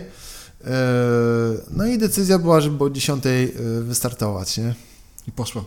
No poszło, nie? To też dużo było opowiadać o rekordzie, mogę z grubsza opowiedzieć, gdzieś tam były jakieś materiały mhm. w gazecie. E, jeszcze pytałeś się o odżywianie dzień wcześniej. Po prostu zjadłem sporo makaronu z sosem pomidorowym Rano. i tyle. Okay. E, wieczorem. Rano na śniadanie. E, nietypowo stwierdziłem, że jem to, co jem na Normalnie. co dzień i po mhm. prostu zjadłem o 8 jajecznicę, bułkę i dobrą kawę wypiłem. Okay. No i po dwóch godzinach zacząłem, nie? Czyli bez żadnych konkretnych zmian. Bez, bez tak, no bez kombinowania, no, no, no, po prostu old school. Jemy normalnie i jedziemy. To nie? można powiedzieć, że to nie, nie, nie była dla Ciebie niespodzianka to, co się później działo przez następne 24 godziny, bo już, już miałeś tyle doświadczenia w, w tego typu tematach, że jakby to było... Czy to było właśnie bardziej e, takie postawienie kropki na D, to już, czy to było faktycznie jeszcze tak bardzo challenge'ujące jak za pierwszym razem, jak próbowałeś to robić? Wiesz co, no fa fajne pytanie, nie? Jakby rekord jest bardzo specyficzny, czyli na pewno e, to, to słowo, które powiedziałeś, że e, stawianie kropki nad i mhm. było problemem, że to chciałem zrobić rok temu. No, no, no. Czyli wszyscy mówili, stary, ty już to zrobiłeś, to teraz tylko postawić kropkę nad i i rekord jest twój, nie? Okay. Z takim podejściem się rekordu nie pobije, nie? Bo, bo rekord, tak jak mi się bardzo nie podoba, niektórzy mówią, udało ci się. Mhm. Rekord się nie udaje, rekord trzeba zrobić I każdy przypłynięty metr po prostu trzeba to zrobić, nie? No tak. to, to, nie ma innej opcji, nikt mhm. za ciebie nie przypłynie, nie? Mhm. mhm. E, więc z tym mentalnym nastawieniem, że to trzeba przeżyć, trzeba no, przejść te, przez te kryzysy, które nie ma zawodnika i nie ma wysiłku, gdzie nie pojawia się kryzys. Pytanie jest tylko, czy ten kryzys jak długi będzie, czy go przejdziemy, czy go nie przejdziemy, nie? Okay. To są te bariery, te schody. Y, zawsze pojawiają się jakieś przygody. Mhm. Najczęściej za każdym wysiłkiem są inne. Czy to pogoda, czy to jak się czujemy. Y, więc wiedziałem, że to nie jest tak wsiąść, płynąć i będzie wszystko normalnie, tylko wiedziałem, że wszystko, co przyjdzie, po prostu się z tym zmierzę i przejdę dalej. Mogę to porównać do wyczynu Rosa, gdzie na przykład płynął i dostawał meduzami po twarzy e, i musiał płynąć nadal, tak? tak? tak, tak. Po prostu zrzucał meduzę i jechał, gdzie w jego historii okazuje się, że raz dostał meduzę i kilka godzin płynął z meduzą na twarzy, ale płynął dalej, nie? E, więc tutaj takie fajne porównania. E, no i przejdę do rekordu. No, u, u mnie Pierwsze cztery godziny były po prostu przecudowne, nie? Wiedziałem, że jest za dobrze. Mhm. Że nigdy tak wcześniej przez te cztery poprzednie próby nie było. Płynąłem średnio 11, nawet do 11,2 km na godzinę. Wiem, że jak ktoś nie pływa na, kajaku, na kajaku to dużo nie przemawia, okay. e, więc żeby pomóc, wygląda to tak, że średnia, żeby pobić rekord, musi wyjść przynajmniej 10.55. Mhm. Ja celowałem, żeby zrobić 10.6 średnią, e, czyli to wychodzi 5,35 na kilometr. Tak. Czyli z, wliczając przerwy i tak dalej. Mhm. Więc musisz płynąć 5,30 na kilometr. Jeśli się pojawią przerwy, to będzie ok. no i też taką prędkością, czyli płynąłem prędkością około 5,20 na To czyli trochę matematyki, 5,35 na kilometr, bo zazwyczaj jak widzimy na ergometrze, to widzimy czas na 500 metrów, co na nie? 500 metrów, no. I, I, wtedy tam średnio zazwyczaj się tak by pływa około 3 minut na 500 metrów. Tak, e, to... Nie, no dwa, nie? Około dwóch. Dwa, dwa, racja, tak. dwa. Okej, okay, a ty musiałeś cały czas płynąć dwa tam... No 2,45, no ale przez, dwa, przez 24 Ta, godziny, godziny, gdzie no, no, no. biorąc pod uwagę płyniemy kajakiem, tak, nie? tak, tak, a w tak. wioślarstwie tak. pracujesz nogami, czyli teoretycznie wioślarz pływa szybciej od, od, kaja, okay, od, od, kaja, od kajakarza. Okay. Mhm, rozumiem. E, no i co? I leci czas. I, no i leci. Pierwsza, druga, trzecia, czwarta godzina. Petarda. W ogóle tam między 5,25 30 płynąłem. I już wiedząc, że no, no nie będzie tak pięknie przez 24 godziny, bo jest to po prostu niemożliwe. Nie? Mhm. No i niestety zaczął się mały kryzys żołądka, e, na tyle, że myślałem, że będę musiał wysiąść, żeby zrobić, załatwić pełne sprawy, tak, tak, które tak. wcześniej nigdy nie musiałem robić. No i właśnie, to było moje pierwsze pytanie, od którego w ogóle wyszedłem z tematem. Co z toaletą? no dobrze, więc w 99% e, number two się nie robi. Po prostu się ten guzik wyłącza i nie ma, nie ma takiej, no, no, no. takiej sytuacji, gdzie w, na Swissmanie miałem problem i musiałem okay. E, się awaryjnie się no, no, no, zatrzymać. Tak w kajaku nigdy wcześniej takiej awaryjnej sytuacji nie miałem, a tu byłem zdawało mi się, że, że coś się dzieje takiego, a tak naprawdę troszeczkę mnie zaczął żołądek boleć i tak dalej, e, ale to jest bardziej to, że po kilku godzinach organizm zaczyna się adoptować do wysiłku. Mhm. No bo na co dzień nie pływasz po 4 godziny, więc no zużyłeś pewne węglowodany, zaczynasz korzystać troszeczkę z tłuszczy i organizm zaczyna ci się mówi stary, płynąłeś cztery, powinieneś już dawno siedzieć w domu na kanapie, a ty chcesz jechać dalej. I on ci daje znać, że to jest taki pewien system samoobrony. Tak, organizm weź, ma tego sporo. Mhm. Weź już przestań, tak, tak, boli tak. ci żołądek, weź no, odpuść, no, nie? No. E, no i kurde, leci jedna godzina, druga godzina, już zacząłem się czaić e, na pomost, żeby szybko wysiąść i nie stracić czasu, no bo okay ten, wyczaiłem, tylko było dwóch chłopaków, którzy łowiło ryby i łowiło te ryby dosyć długo, więc minęła trzecia godzina, czwarta godzina. E, na ratunek pojawił się e, support. E, chłopaki widzieli, że, że po prostu oni spisy, spisywali każde okrążenie, że ta średnia mi spadła, że zaczynam płynąć, nie że coraz wolniej, ale po prostu pływam wolniej, nie? Mhm. Czyli zamiast okrążenia na 30 minut zacząłem pływać w granicach 32 minut. I to było związane z tym, że cały czas myślałeś o dwójce. Coś w tym stylu, no. Coś w tym stylu. To faktycznie może namieszać prze, Przekształciło się troszeczkę tak, to tak, trochę tak. w ból żołądka, no, tak w, tym, w no, takim no, kierunku no. szło. Mhm. Nawet czułem się ogólnie dobrze, ale tak, taki dyskomfort, nie? No i oni przyszli na ratunek z muzyką, coś czego wcześniej nawet nie, nie przyszło mi przez głowę. Tam był jeden rekord, że pływałem w słuchawkach, ale też nie uznałem to za dobry pomysł. Okay. I mega zadziałało, nie? Po prostu... Co to jest za muzyka? Zaczęli puszczać z głośnika Eye of the Tiger, a, a go przyspieszyłem i się okazało, że to przyspieszenie y, nie będę płynął godzinę, tam nie 5 minut szybciej, tylko każdą jedną piosenkę trzymałem szybsze tempo niż, y, niż sobie postanowiłem i taki trzymali mnie w takim bodźcu. No, no, no, no. E, oczywiście nie, nie byli w stanie płynąć non-stop przy mnie, e, więc za każdym razem jak się pojawiali z muzyką, jakąś nową piosenką, to było mega, nie? No właśnie, bo, bo tak jakby motorówka cały czas za tą jeździła, czy troszkę? No można tak powiedzieć, w 80%, nie? Okay. Gdzieś tam musieli e, zmieniać paliwo, Czyli zmieniać w, motorówkę. w stanie tak, tak że każdy mnie y, gdzieś tam monitorowali. Z tą okay. Rozmową to dużo tych rozmów nie było, bo oni nawet jak płynęli, płynęli blisko, ale ten kontakt był ograniczony, nie? -hmm. No i od takiego ponownego fajnego bodźca, 9, 10, 11, 12 godzina była naprawdę super. E, przez cały ten czas nie wysiadłem z kajaku. No. E, po czwartej godzinie był pit stop na 50 sekund. Ale to wysiadłeś z kajaku faktycznie? Nie, nie, nie wysiadłem ani razu. No właśnie, okay, Więc okay. Ja sobie zaplanowałem, e, podchodząc do tego rekordu, że zrobię 5 pit stopów po 2 minuty. Mhm. Gdzie wstępnie miałem wysiąść z kajaku, żeby się wyprostować, ale jak już wsiadałem do kajaku, powiedziałem do chłopaków, żeby mi zabronili wysiąść z kajaku. Przypomniało mi się, że w Malmo nie wysiadłem 9 godzin, to mówię, jak 9 nie wysiadłem, to 24 też nie wysiądę. E, tym bardziej, że pomost, który tam był, nie był idealny do wysiadania. Nie? A czy wcześniej jakby przy, przy wszystkich próbach wysiadałeś z kajaku normalnie? Tak, regularnie po 4, co 4-5 godzin wysiadałem. Nie? Aha, Tylko to, jest, to, jest wysi, to jest wysiadanie, żeby zaraz wsiąść. Tak, żeby się wyprostować na chwilę. No. No, no, no. E, no i tu stwierdziłem, że nie wysiadam, więc było okay. 50-51 sekund, trzeci pit stop, minuta z groszem, po prostu to było, żeby wy, wywalić bukłak, wziąć drugi bukłak, mm -hmm, wziąć banany, zjeść troszkę makaronu, który brałem ze sobą, nie, jakby nie, nie jadłem w miejscu. Brałem kubek makaronu i jadłem wiosłując. No.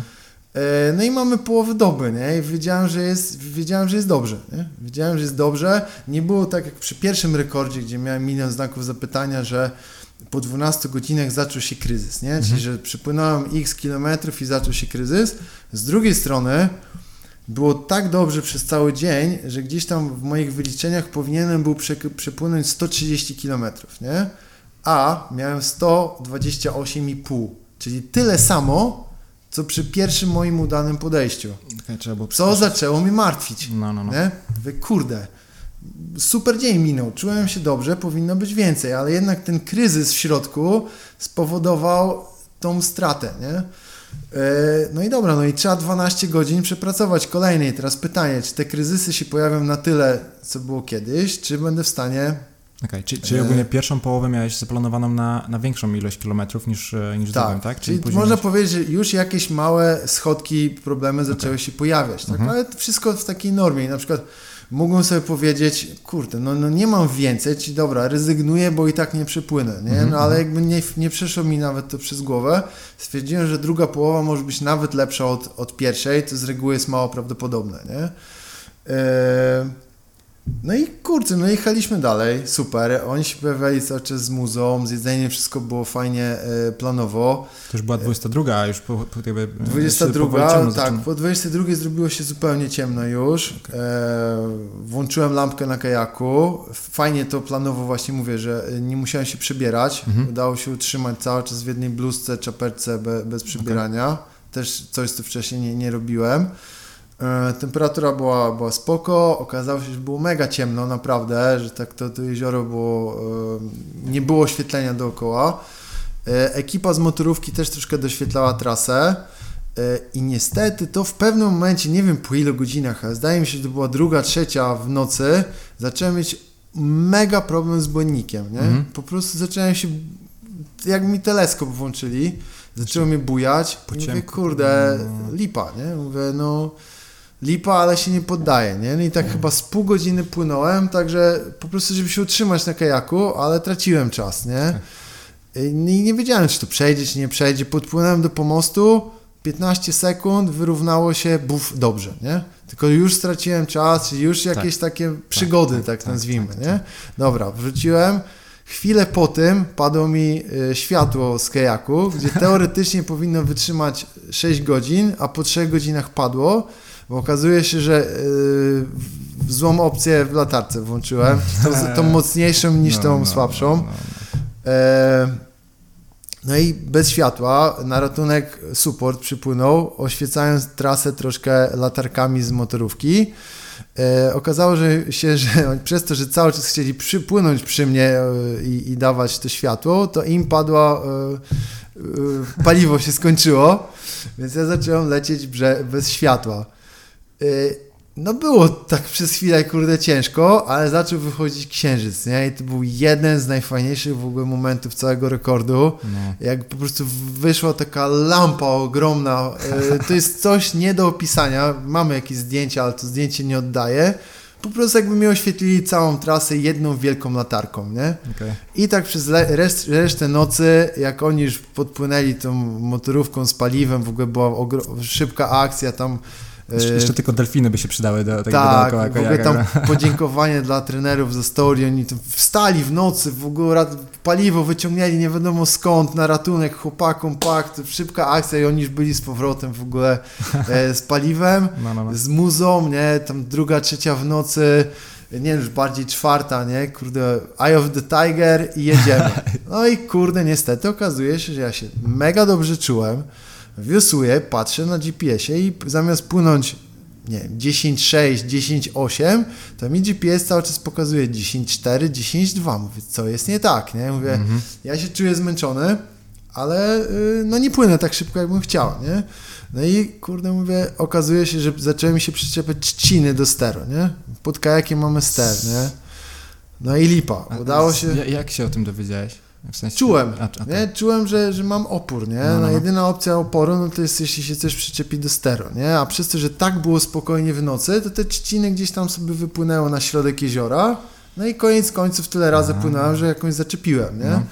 Szybko udało się to zdjąć, pach, od razu e, okazało to się... w trakcie pit stopu jakiegoś ktoś pomógł, Nie, tak? motorówką podpłynęli, zdjęli mi trzcinę okay. i pach, szybka akcja. Okazało się, że po nie wiem, kilku tam minut czy godzinach znowu się zaczepiło, nie? No i mm. rzeczywiście coś było. Później raz już zdawało mi się, oni podpłynęli, mówię, stary, nic nie miałeś, nie? Okay. E, więc już było taki, no, tak. taki kryzys, po, taka walka, już nie wiadomo, czy to było zmęczenie, czy trzcina, czy co. Tak, tak. E, no i się jakby skończyła noc. Brakowało 7 godzin do końca, mhm. nie? No i patrzę, że jednak po przygodach w nocy nie jest dobrze. Nie? Jakby Czułem się dobrze, ogólnie poszło wszystko fajnie, ale przez te przygody e, światła. Czyli którą mamy godzinę? Szóstą, siódmą, ósmą? Siedem godzin, dziesięć, czyli nie czwarta, tak? Okay, Jakoś tam siedem godzin przed końcem, nie? Okay. Do dziesiątej miałem płynąć. Mhm. Kurde, taka bardzo poważna decyzja, nie? Że dobra, podkręcam i albo wytrzymam i będzie dobrze, mhm. albo nie wytrzymam, no i kurde, lipa, będę musiał odpuścić, albo po prostu dopłynę do końca, ale nie, znowu nie będzie rekordu. Nie, nie było innej opcji. A raczej trzeba. po prostu wybrałem tę opcję, że niezależnie co się stanie, to płynę do końca. Mhm. Najwyżej będę miał, nie wiem, x kilometrów, trochę lepiej niż poprzednio, trochę gorzej, nieważne. Nie? Postanowienie było płynąć do końca, ale mówię, dobra, jeśli ma być rekord, to teraz trzeba podkręcić, bo już później nie nadgonię, nie? No i rzeczywiście zacząłem cisnąć, nie? Ale no. tak jak nigdy i płynąłem tą samą prędkością, co płynąłem na początku, nie? No kurde, czyli tam około... Czyli po 16 godzinach, nie, dobrze mówię? Po 18, po 17 godzinach tak. płynąłem tą samą prędkością, co płynąłem przez 4 godziny. Czyli, czyli jakoś tam 11 km? 11 na godzinę, nie? Okay. I wytrzymałem tak przez 3 godziny i okazało się, że całą stratę, którą udało mi się jakby przez, przez noc, odrobiłem przez 3 godziny. No. Wyrównało mi się do moich wyliczeń, że okej, okay, będzie dobrze. Mhm. Y, zostaje 4 godziny, nie? Mhm. Czyli mamy 20 godzin, jest 6 rano, zostało 4. No i ostatnie 4 to już był... Bułka z masłem, czy odwrotnie? Walka o życie. A, walka o życie. Walka o życie.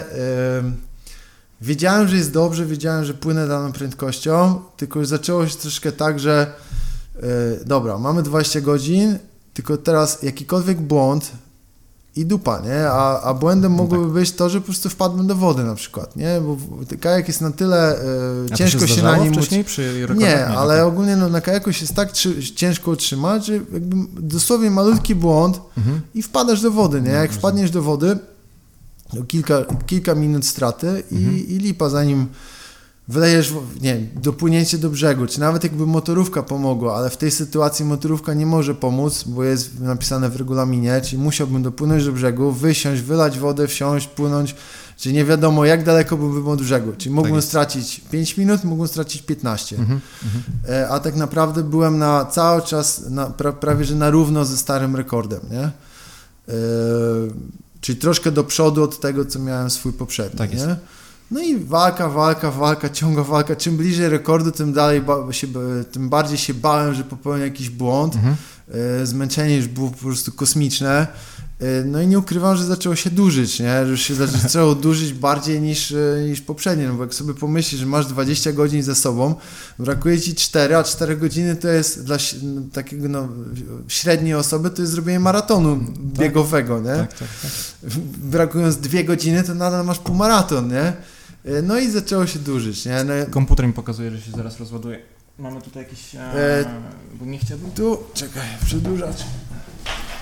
Tu, tu, tu, ja jestem tak zawsze obsrany, jak widzę, że tu się nagrywa na przykład 2.30 już, że mi się coś włączy albo że coś się stanie złego i ja... Nie dziwię się. No.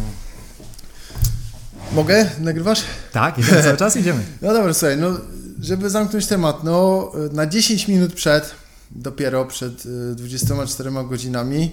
Wiedziałem, że pobiłem rekord. Zapłynąłem i mam 10 minut, żeby podnosić poprzeczkę. No, okay, okay, okay. E, no już tak się cieszyłem, że po prostu ciężko było, było płynąć. Starałem się przyspieszyć, ciężko było przyspieszyć. Dopiero przez ostatnie e, metry troszeczkę podkręciłem to tempo. E, ciekawe też było to, że na 45 okrążeniu jakby pobiłem rekord, i płynąłem kolejne okrążenie, więc wiedziałem, że jak skończę rekord, to mhm. muszę wracać do brzegu. I mówię, nie przepłynę ani metra więcej, nie? Po prostu jak coś wysiądę na brzeg i się położę, nie? E, no płynął, płynęła motorówka, płynął, płynęła Karola e, i płynął e, Tomek. Mhm. No i po prostu jak skończyłem, to tak jakby mi włączyli silnik, nie? Po okay. prostu... A to od razu na e, motorówkę przyszedłeś? Od razu na motorówkę. No, no. Fajnie mam, mam nagrania, zmontuję później też filmik. Okay. Jest nagranie, jak, jak, po prostu się wszystko wyłączyło, wsiadłem do motorówki, wyglądam chyba z 20 lat starszy w ogóle. E, zajęło tak kilka minut, żeby w ogóle e, się ogarnąć, nie? Okay, okay. E, no i kurde, no później się cieszyłem. No i tak jeszcze podsumować ten rekord problemem była ta intensywność, którą trzeba było trzymać. Nie? Ciągłe ciśnienie przez 24 godziny, no. minimalizowanie wszystkich błędów, y, każda strata, która była, nie mogłem sobie pozwolić, żeby zrobić dwuminutowego pit stopu, tylko musiałem skracać wszystko do granic możliwości. Okay. I tak naprawdę kajak stał w miejscu 3 minuty i 51 sekund a cały czas mm, wiosłowałem. Mega mało, nie?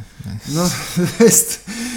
Nadal jakby aż ciężko mi uwierzyć, nadal już to zrobiłem, a aż ciężko mi uwierzyć, że, że rzeczywiście wysiedziałem nawet, już nie mm, mówiąc tak, o, tak, o tak. samym wiosłowaniu w sobie.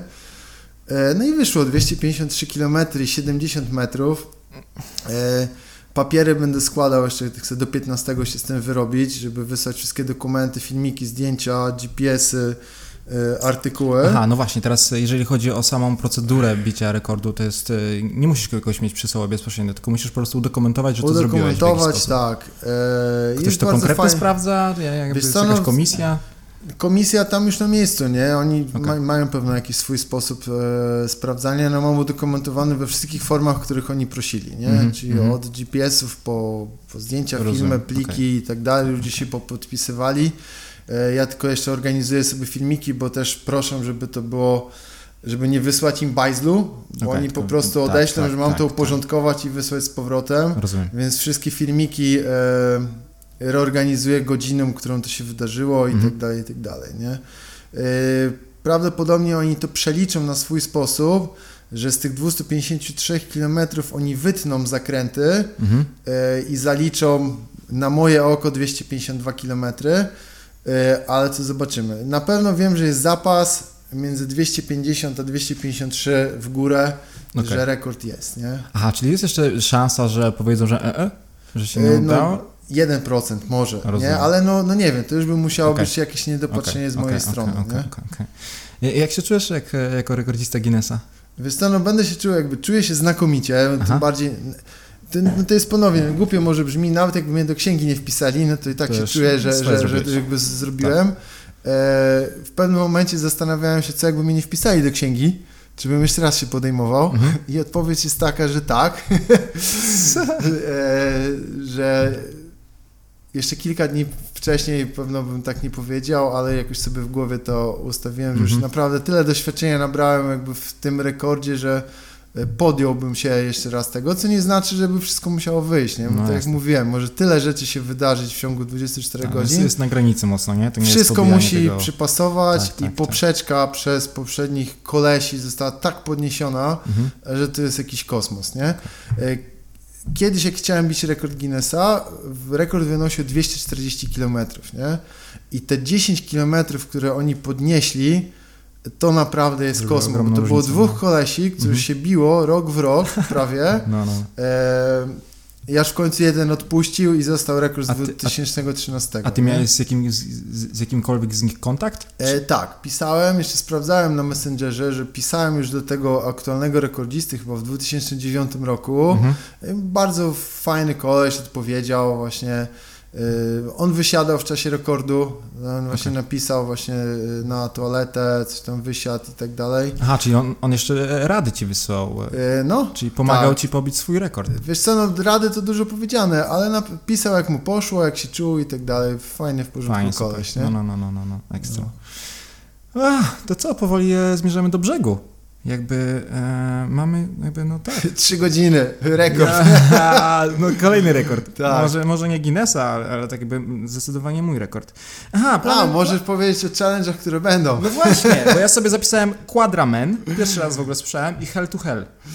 Kuźwa. Tak, jest, słuchaj, no to krótko, żeby już nie przedłużać. E, więc pomysł, jeszcze przed ukończeniem rekordu Guinnessa już był plan, żeby zrobić dwa kolejne challenge. Mhm. Tak, jeden, później przyszedł pomysł drugiego. Yy, misją moją jest yy, propagowanie nowej dyscypliny, czyli kwadratlonu. Jestem razem, razem z Tomkiem Hopem współorganizatorem kwadratlonu w Bydgoszczy, który jest podklejony pod imprezę Bydgoszcz Triathlon i my dodajemy jakby kolejną strefę, gdzie okay. jest kajak, czyli mhm. zawodnicy robią jedną ósmą triatlonu Dodatkowo w trasie biegowej wsiadają na kajak, płyną 5 km, 4 km, wracają na trasę biegową. Okay. E, no i taka dyscyplina istnieje, jest e, coraz więcej zawodów w Europie. E, w tym roku udało nam się ściągnąć Puchar Świata do Bydgoszczy. No i naszym celem jest propagować tę dyscyplinę. Stwierdziliśmy z Tomkiem, że jako pierwsi chcemy zrobić pierwszy, pierwszy pełen kwadratlon, czyli pierwszy pełen Ironman w formie mhm. kwadratlonu, tak czyli jest. E, jakby powtórzyć troszeczkę zabawę z być jak Ironman, A e, ktoś, tylko dodać do tego kajak. Ktoś nie? coś takiego w ogóle organizował gdziekolwiek? Czy... Co, no, są organizowane kwadratlony na długim dystansie, ale modyfikowane, czyli e, na przykład słyszałem, że jest to samo pływanie, ten sam rower, ale dystans z kajaku i zbieganie jest krótszy. Okay. Ale nikt nie zrobił pełnego z pełnym maratonem kajaku. My chcemy zrobić pełne pływanie, czyli 3,8 180 na rowerze, przepłynąć chcemy 42 km kajakiem i 42 przebiec. I to jest misja na następny rok. Eee, jak chcę to zrobić na ukończenie, godnie, zdrowo, na pewno się do tego przygotuję. Ukończenie czego? Kwadratlonu. Aha. Quadramela. Okej, okej, okej. Ale nie chcę bić rekordów żadnych, mhm. E, rekordów tras i tak dalej. Chcę ustanowić tak jakby, żeby powstała nowa dyscyplina. Czyli nie? chcesz to po prostu zrobić?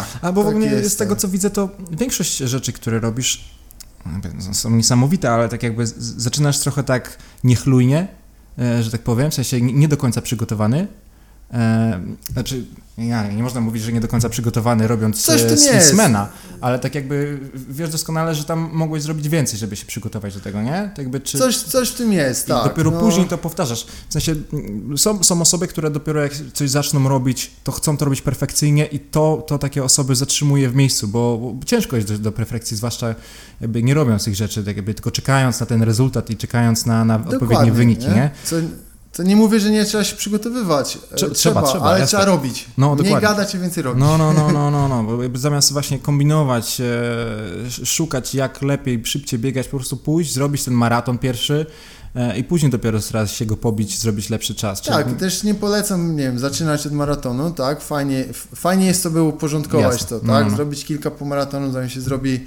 e, maraton. Pewnie. Czasami słyszę, że ktoś chce przebiec maraton, żeby wystartować w zawodach w maratonie, co też się mija z celem, tak, mhm. jeśli ktoś się przygotowuje do pełnego maratonu, fajnie jest go zrobić na zawodach, moim zdaniem, ale w treningach zróbcie do 30 km, tak, tak, tak, tak, to was przygotuje do maratonu, a na zawodach zmuście się, żeby zrobić pełen, pełen mm. maraton i to jest fajne takie, że zrobiliśmy to na zawodach, mm. nie? Mm, takie jest ja, moje ja, zdanie. Ja mam nie? za sobą maraton na niebyciu przygotowany, no z plecakiem ogólnie biegłem. Bo byliśmy w Barcelonie, byliśmy zapisani na maraton, ale to miało być tak, że po 5 kilometrach mieliśmy pobiec do muzeum. I tam się zatrzymać, e, ogólnie tak by wystartować w maratonie, no, tak by no. mieć ten początek za sobą, e, zobaczyć jak to jest. E, i, i się zatrzymać, a po 5 kilometrach stwierdziliśmy, że no dobra, jedziemy dalej. No i za każdym po 5 kilometrach znowu jedziemy dalej, jedziemy dalej, w końcu przybiegliśmy. E, ja wtedy biegłem ze swoją aktualną e, żoną.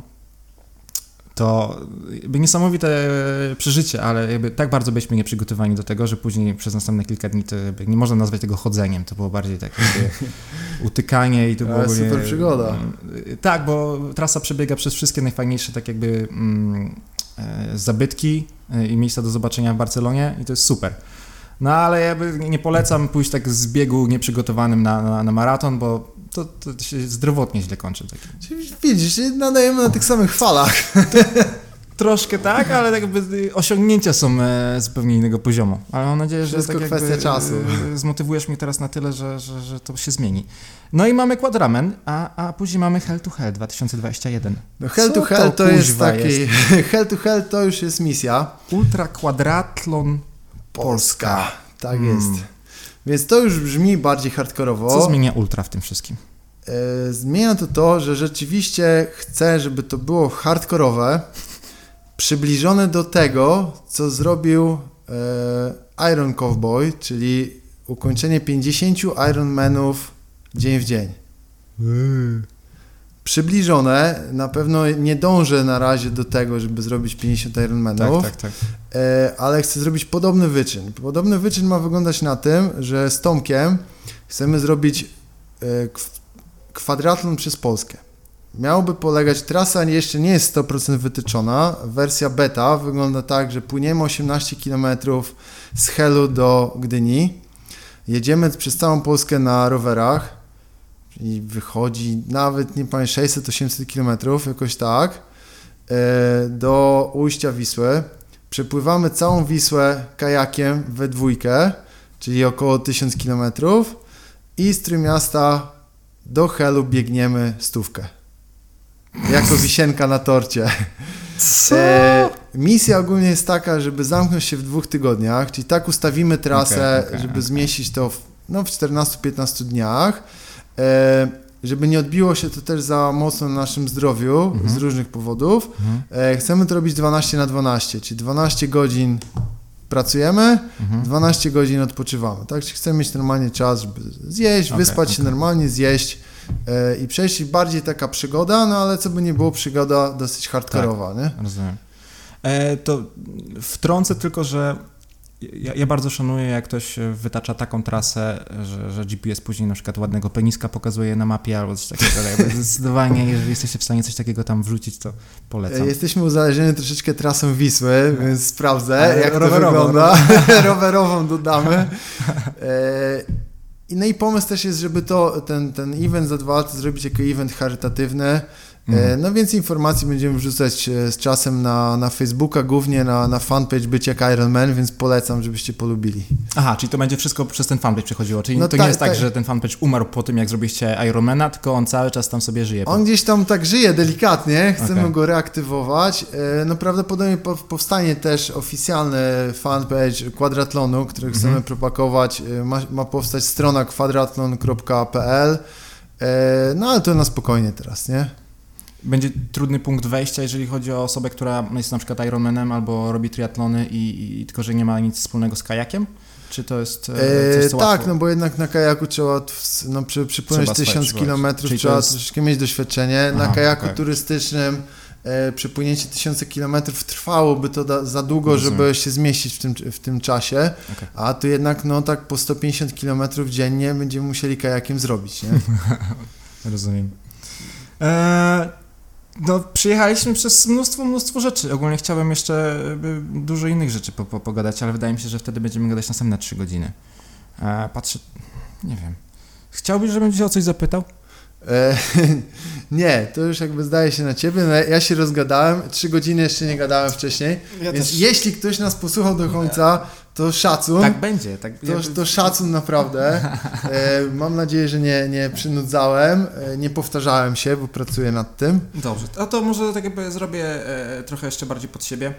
Korzystacie z systemu i, i, i, i e, co mogę zrobić, żeby jeszcze lepiej działał, żeby lepiej Wam pomagał? Masz jakieś e, rzeczy w głowie, które, które można tam poprawić? Polepszyć e, w, w, w systemie, to w sensie Wodguru? No, no fajne, jeśli jest od Wodguru, pamiętam odkąd zaczęliśmy współpracę, to jest to, że rzeczywiście słuchasz e, tego, mm -hmm. co my mhm. do Ciebie piszemy mm -hmm. e, i wdrażasz e, tak by pomału, czyli planujesz te rzeczy, mm -hmm. nie, nie wrzucasz po prostu wszystkiego, co każdy Ci powie, tylko przemyślisz okay. i wrzucasz te rzeczy, które już są rzeczywiście gotowe, czyli na przykład tak jak portfel się pojawił, mhm, mhm, e, to, że pojawia się, że ktoś ma urodziny dla przypomnienia ładnie z ciastem, tak. Że y, niektóre elementy są już fajnie widoczne, czyli ile jest osób na, na grupach. Okay. To mi się podoba, że cały czas nad tym działasz i, i w odgóru tak jakby nie stoi w miejscu, czyli cały czas się rozwija, mhm. więc ja osobiście jestem bardzo zadowolony.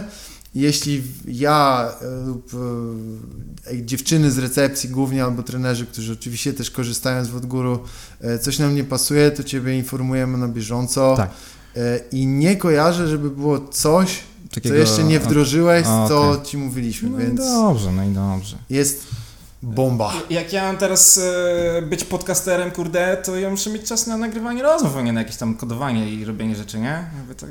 To podpowiem, że e, na pewno e, radzę tak, żeby żeby nie zanudzić ludzi, y, musi zamykać podcast w godzinę.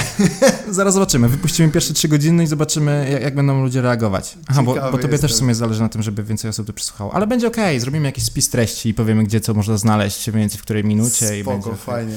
E, polecam, żebyś podłączył te linki, film jak Być jak Iron Man. tak. Będę się... Mamy e, Droga do Swissmana, też jest filmik. I jest Road to Guinness, czyli też Dobrze. jest kilka I, nagrań. Jak zacznę robić sobie tak jakby spis tych wszystkich linków, to będę się jeszcze odzywał, żeby je, je wszystkie znaleźć. E, I co? Tak by... Dzięki. Dzięki też. Jakby, bo mega dobrze. Jakby pogadali, e, trzy godziny minęło w sumie bardzo szybko. E, jest jeszcze nadal mnóstwo rzeczy, które chciałem zapytać, ale, ale to sobie w swoim Powiedz, czasie. ciekawy jestem, na jaki temat? No kurde, nie wiem, ja trochę chciałem ruszyć temat psa w klubie. Bo to jest, e, e, bo to jest taki popularny ogólnie temat, jeżeli chodzi o trzymanie, trzymanie psa, psa w, bo to jest taki trochę, robi takie, taką większą rodzinę, tak jakby trochę jest przyjemniej, trochę bardziej jak w domu przez to, że jest piesek w, w klubie. Jakby wy mieliście jakieś złe doświadczenia z tym, czy, czy, czy e, raczej... Złych doświadczeń nie mieliśmy, bo myślę, że jakby przemyślałem dobrze nad wyborem psa, mhm. nie wziąłem pierwszego lepszego psa. E, głównie, żeby było bezpiecznie, tak? Bo jak wiemy, pojawiają się dzieciaki w klubie, tak, tak, tym bardziej jeśli mówimy o dużym psie, mhm. bo coś go może wyprowadzić z równowagi, powiedzmy. Mhm. E, przyłożyłem się do szkolenia tego psa przez pierwszy rok bardzo intensywnie, tak jakbym się przygotowywał do eventu e, swojego, więc pięć razy w tygodniu trenowaliśmy, dwa, trzy razy w tygodniu chodziliśmy na grupę i dwa lub trzy razy w tygodniu mieliśmy personalne treningi z trenerem. E, no i Leon jest fajnie ułożonym psem, jest spokojny, E, lubi się bawić, pojawiają się dzieciaki od małych, większych, e, jest, jest super, nie? Więc e, pamiętam, że sam osobiście zadawałem pytanie Julicie z hangaru, jak, jak funkcjonuje z psem. Tak, tak, tak. Pisałem do Bartka Lipy, Lipki, jak się okay, funkcjonuje okay, z psem okay. w boksie i oni wszyscy mi polecali jak najbardziej, więc ja też polecam, bo też mam dobre... Ale trzeba e... przepracować z psem, jakby to Tak polecam, zrobić. nie wiem czy wszyscy tak robili, ale e, no ja polecam, żeby tak zrobić. Niezależnie od psa, żeby rzeczywiście się przyłożył do ułożenia jego, mhm. dostosować pod siebie, pod, mhm. pod klub, który mhm. mamy, y, gdzie on się porusza, żeby nie pozwalać mu też na, na wszystko. Rozumiem. A, dobra. Ja by, to wszystko przesłucham i zobaczę co i jak i będą jakieś inne pytania, to będę wtedy wrócę tutaj, bo ja tu ja mam kurde teściów, to, to ja będę regularnie, więc tak czy siak. Dzięki. Eee, Dziękuję bardzo. Dzięki. Ekstra. Jeszcze sobie walniemy samojebkę.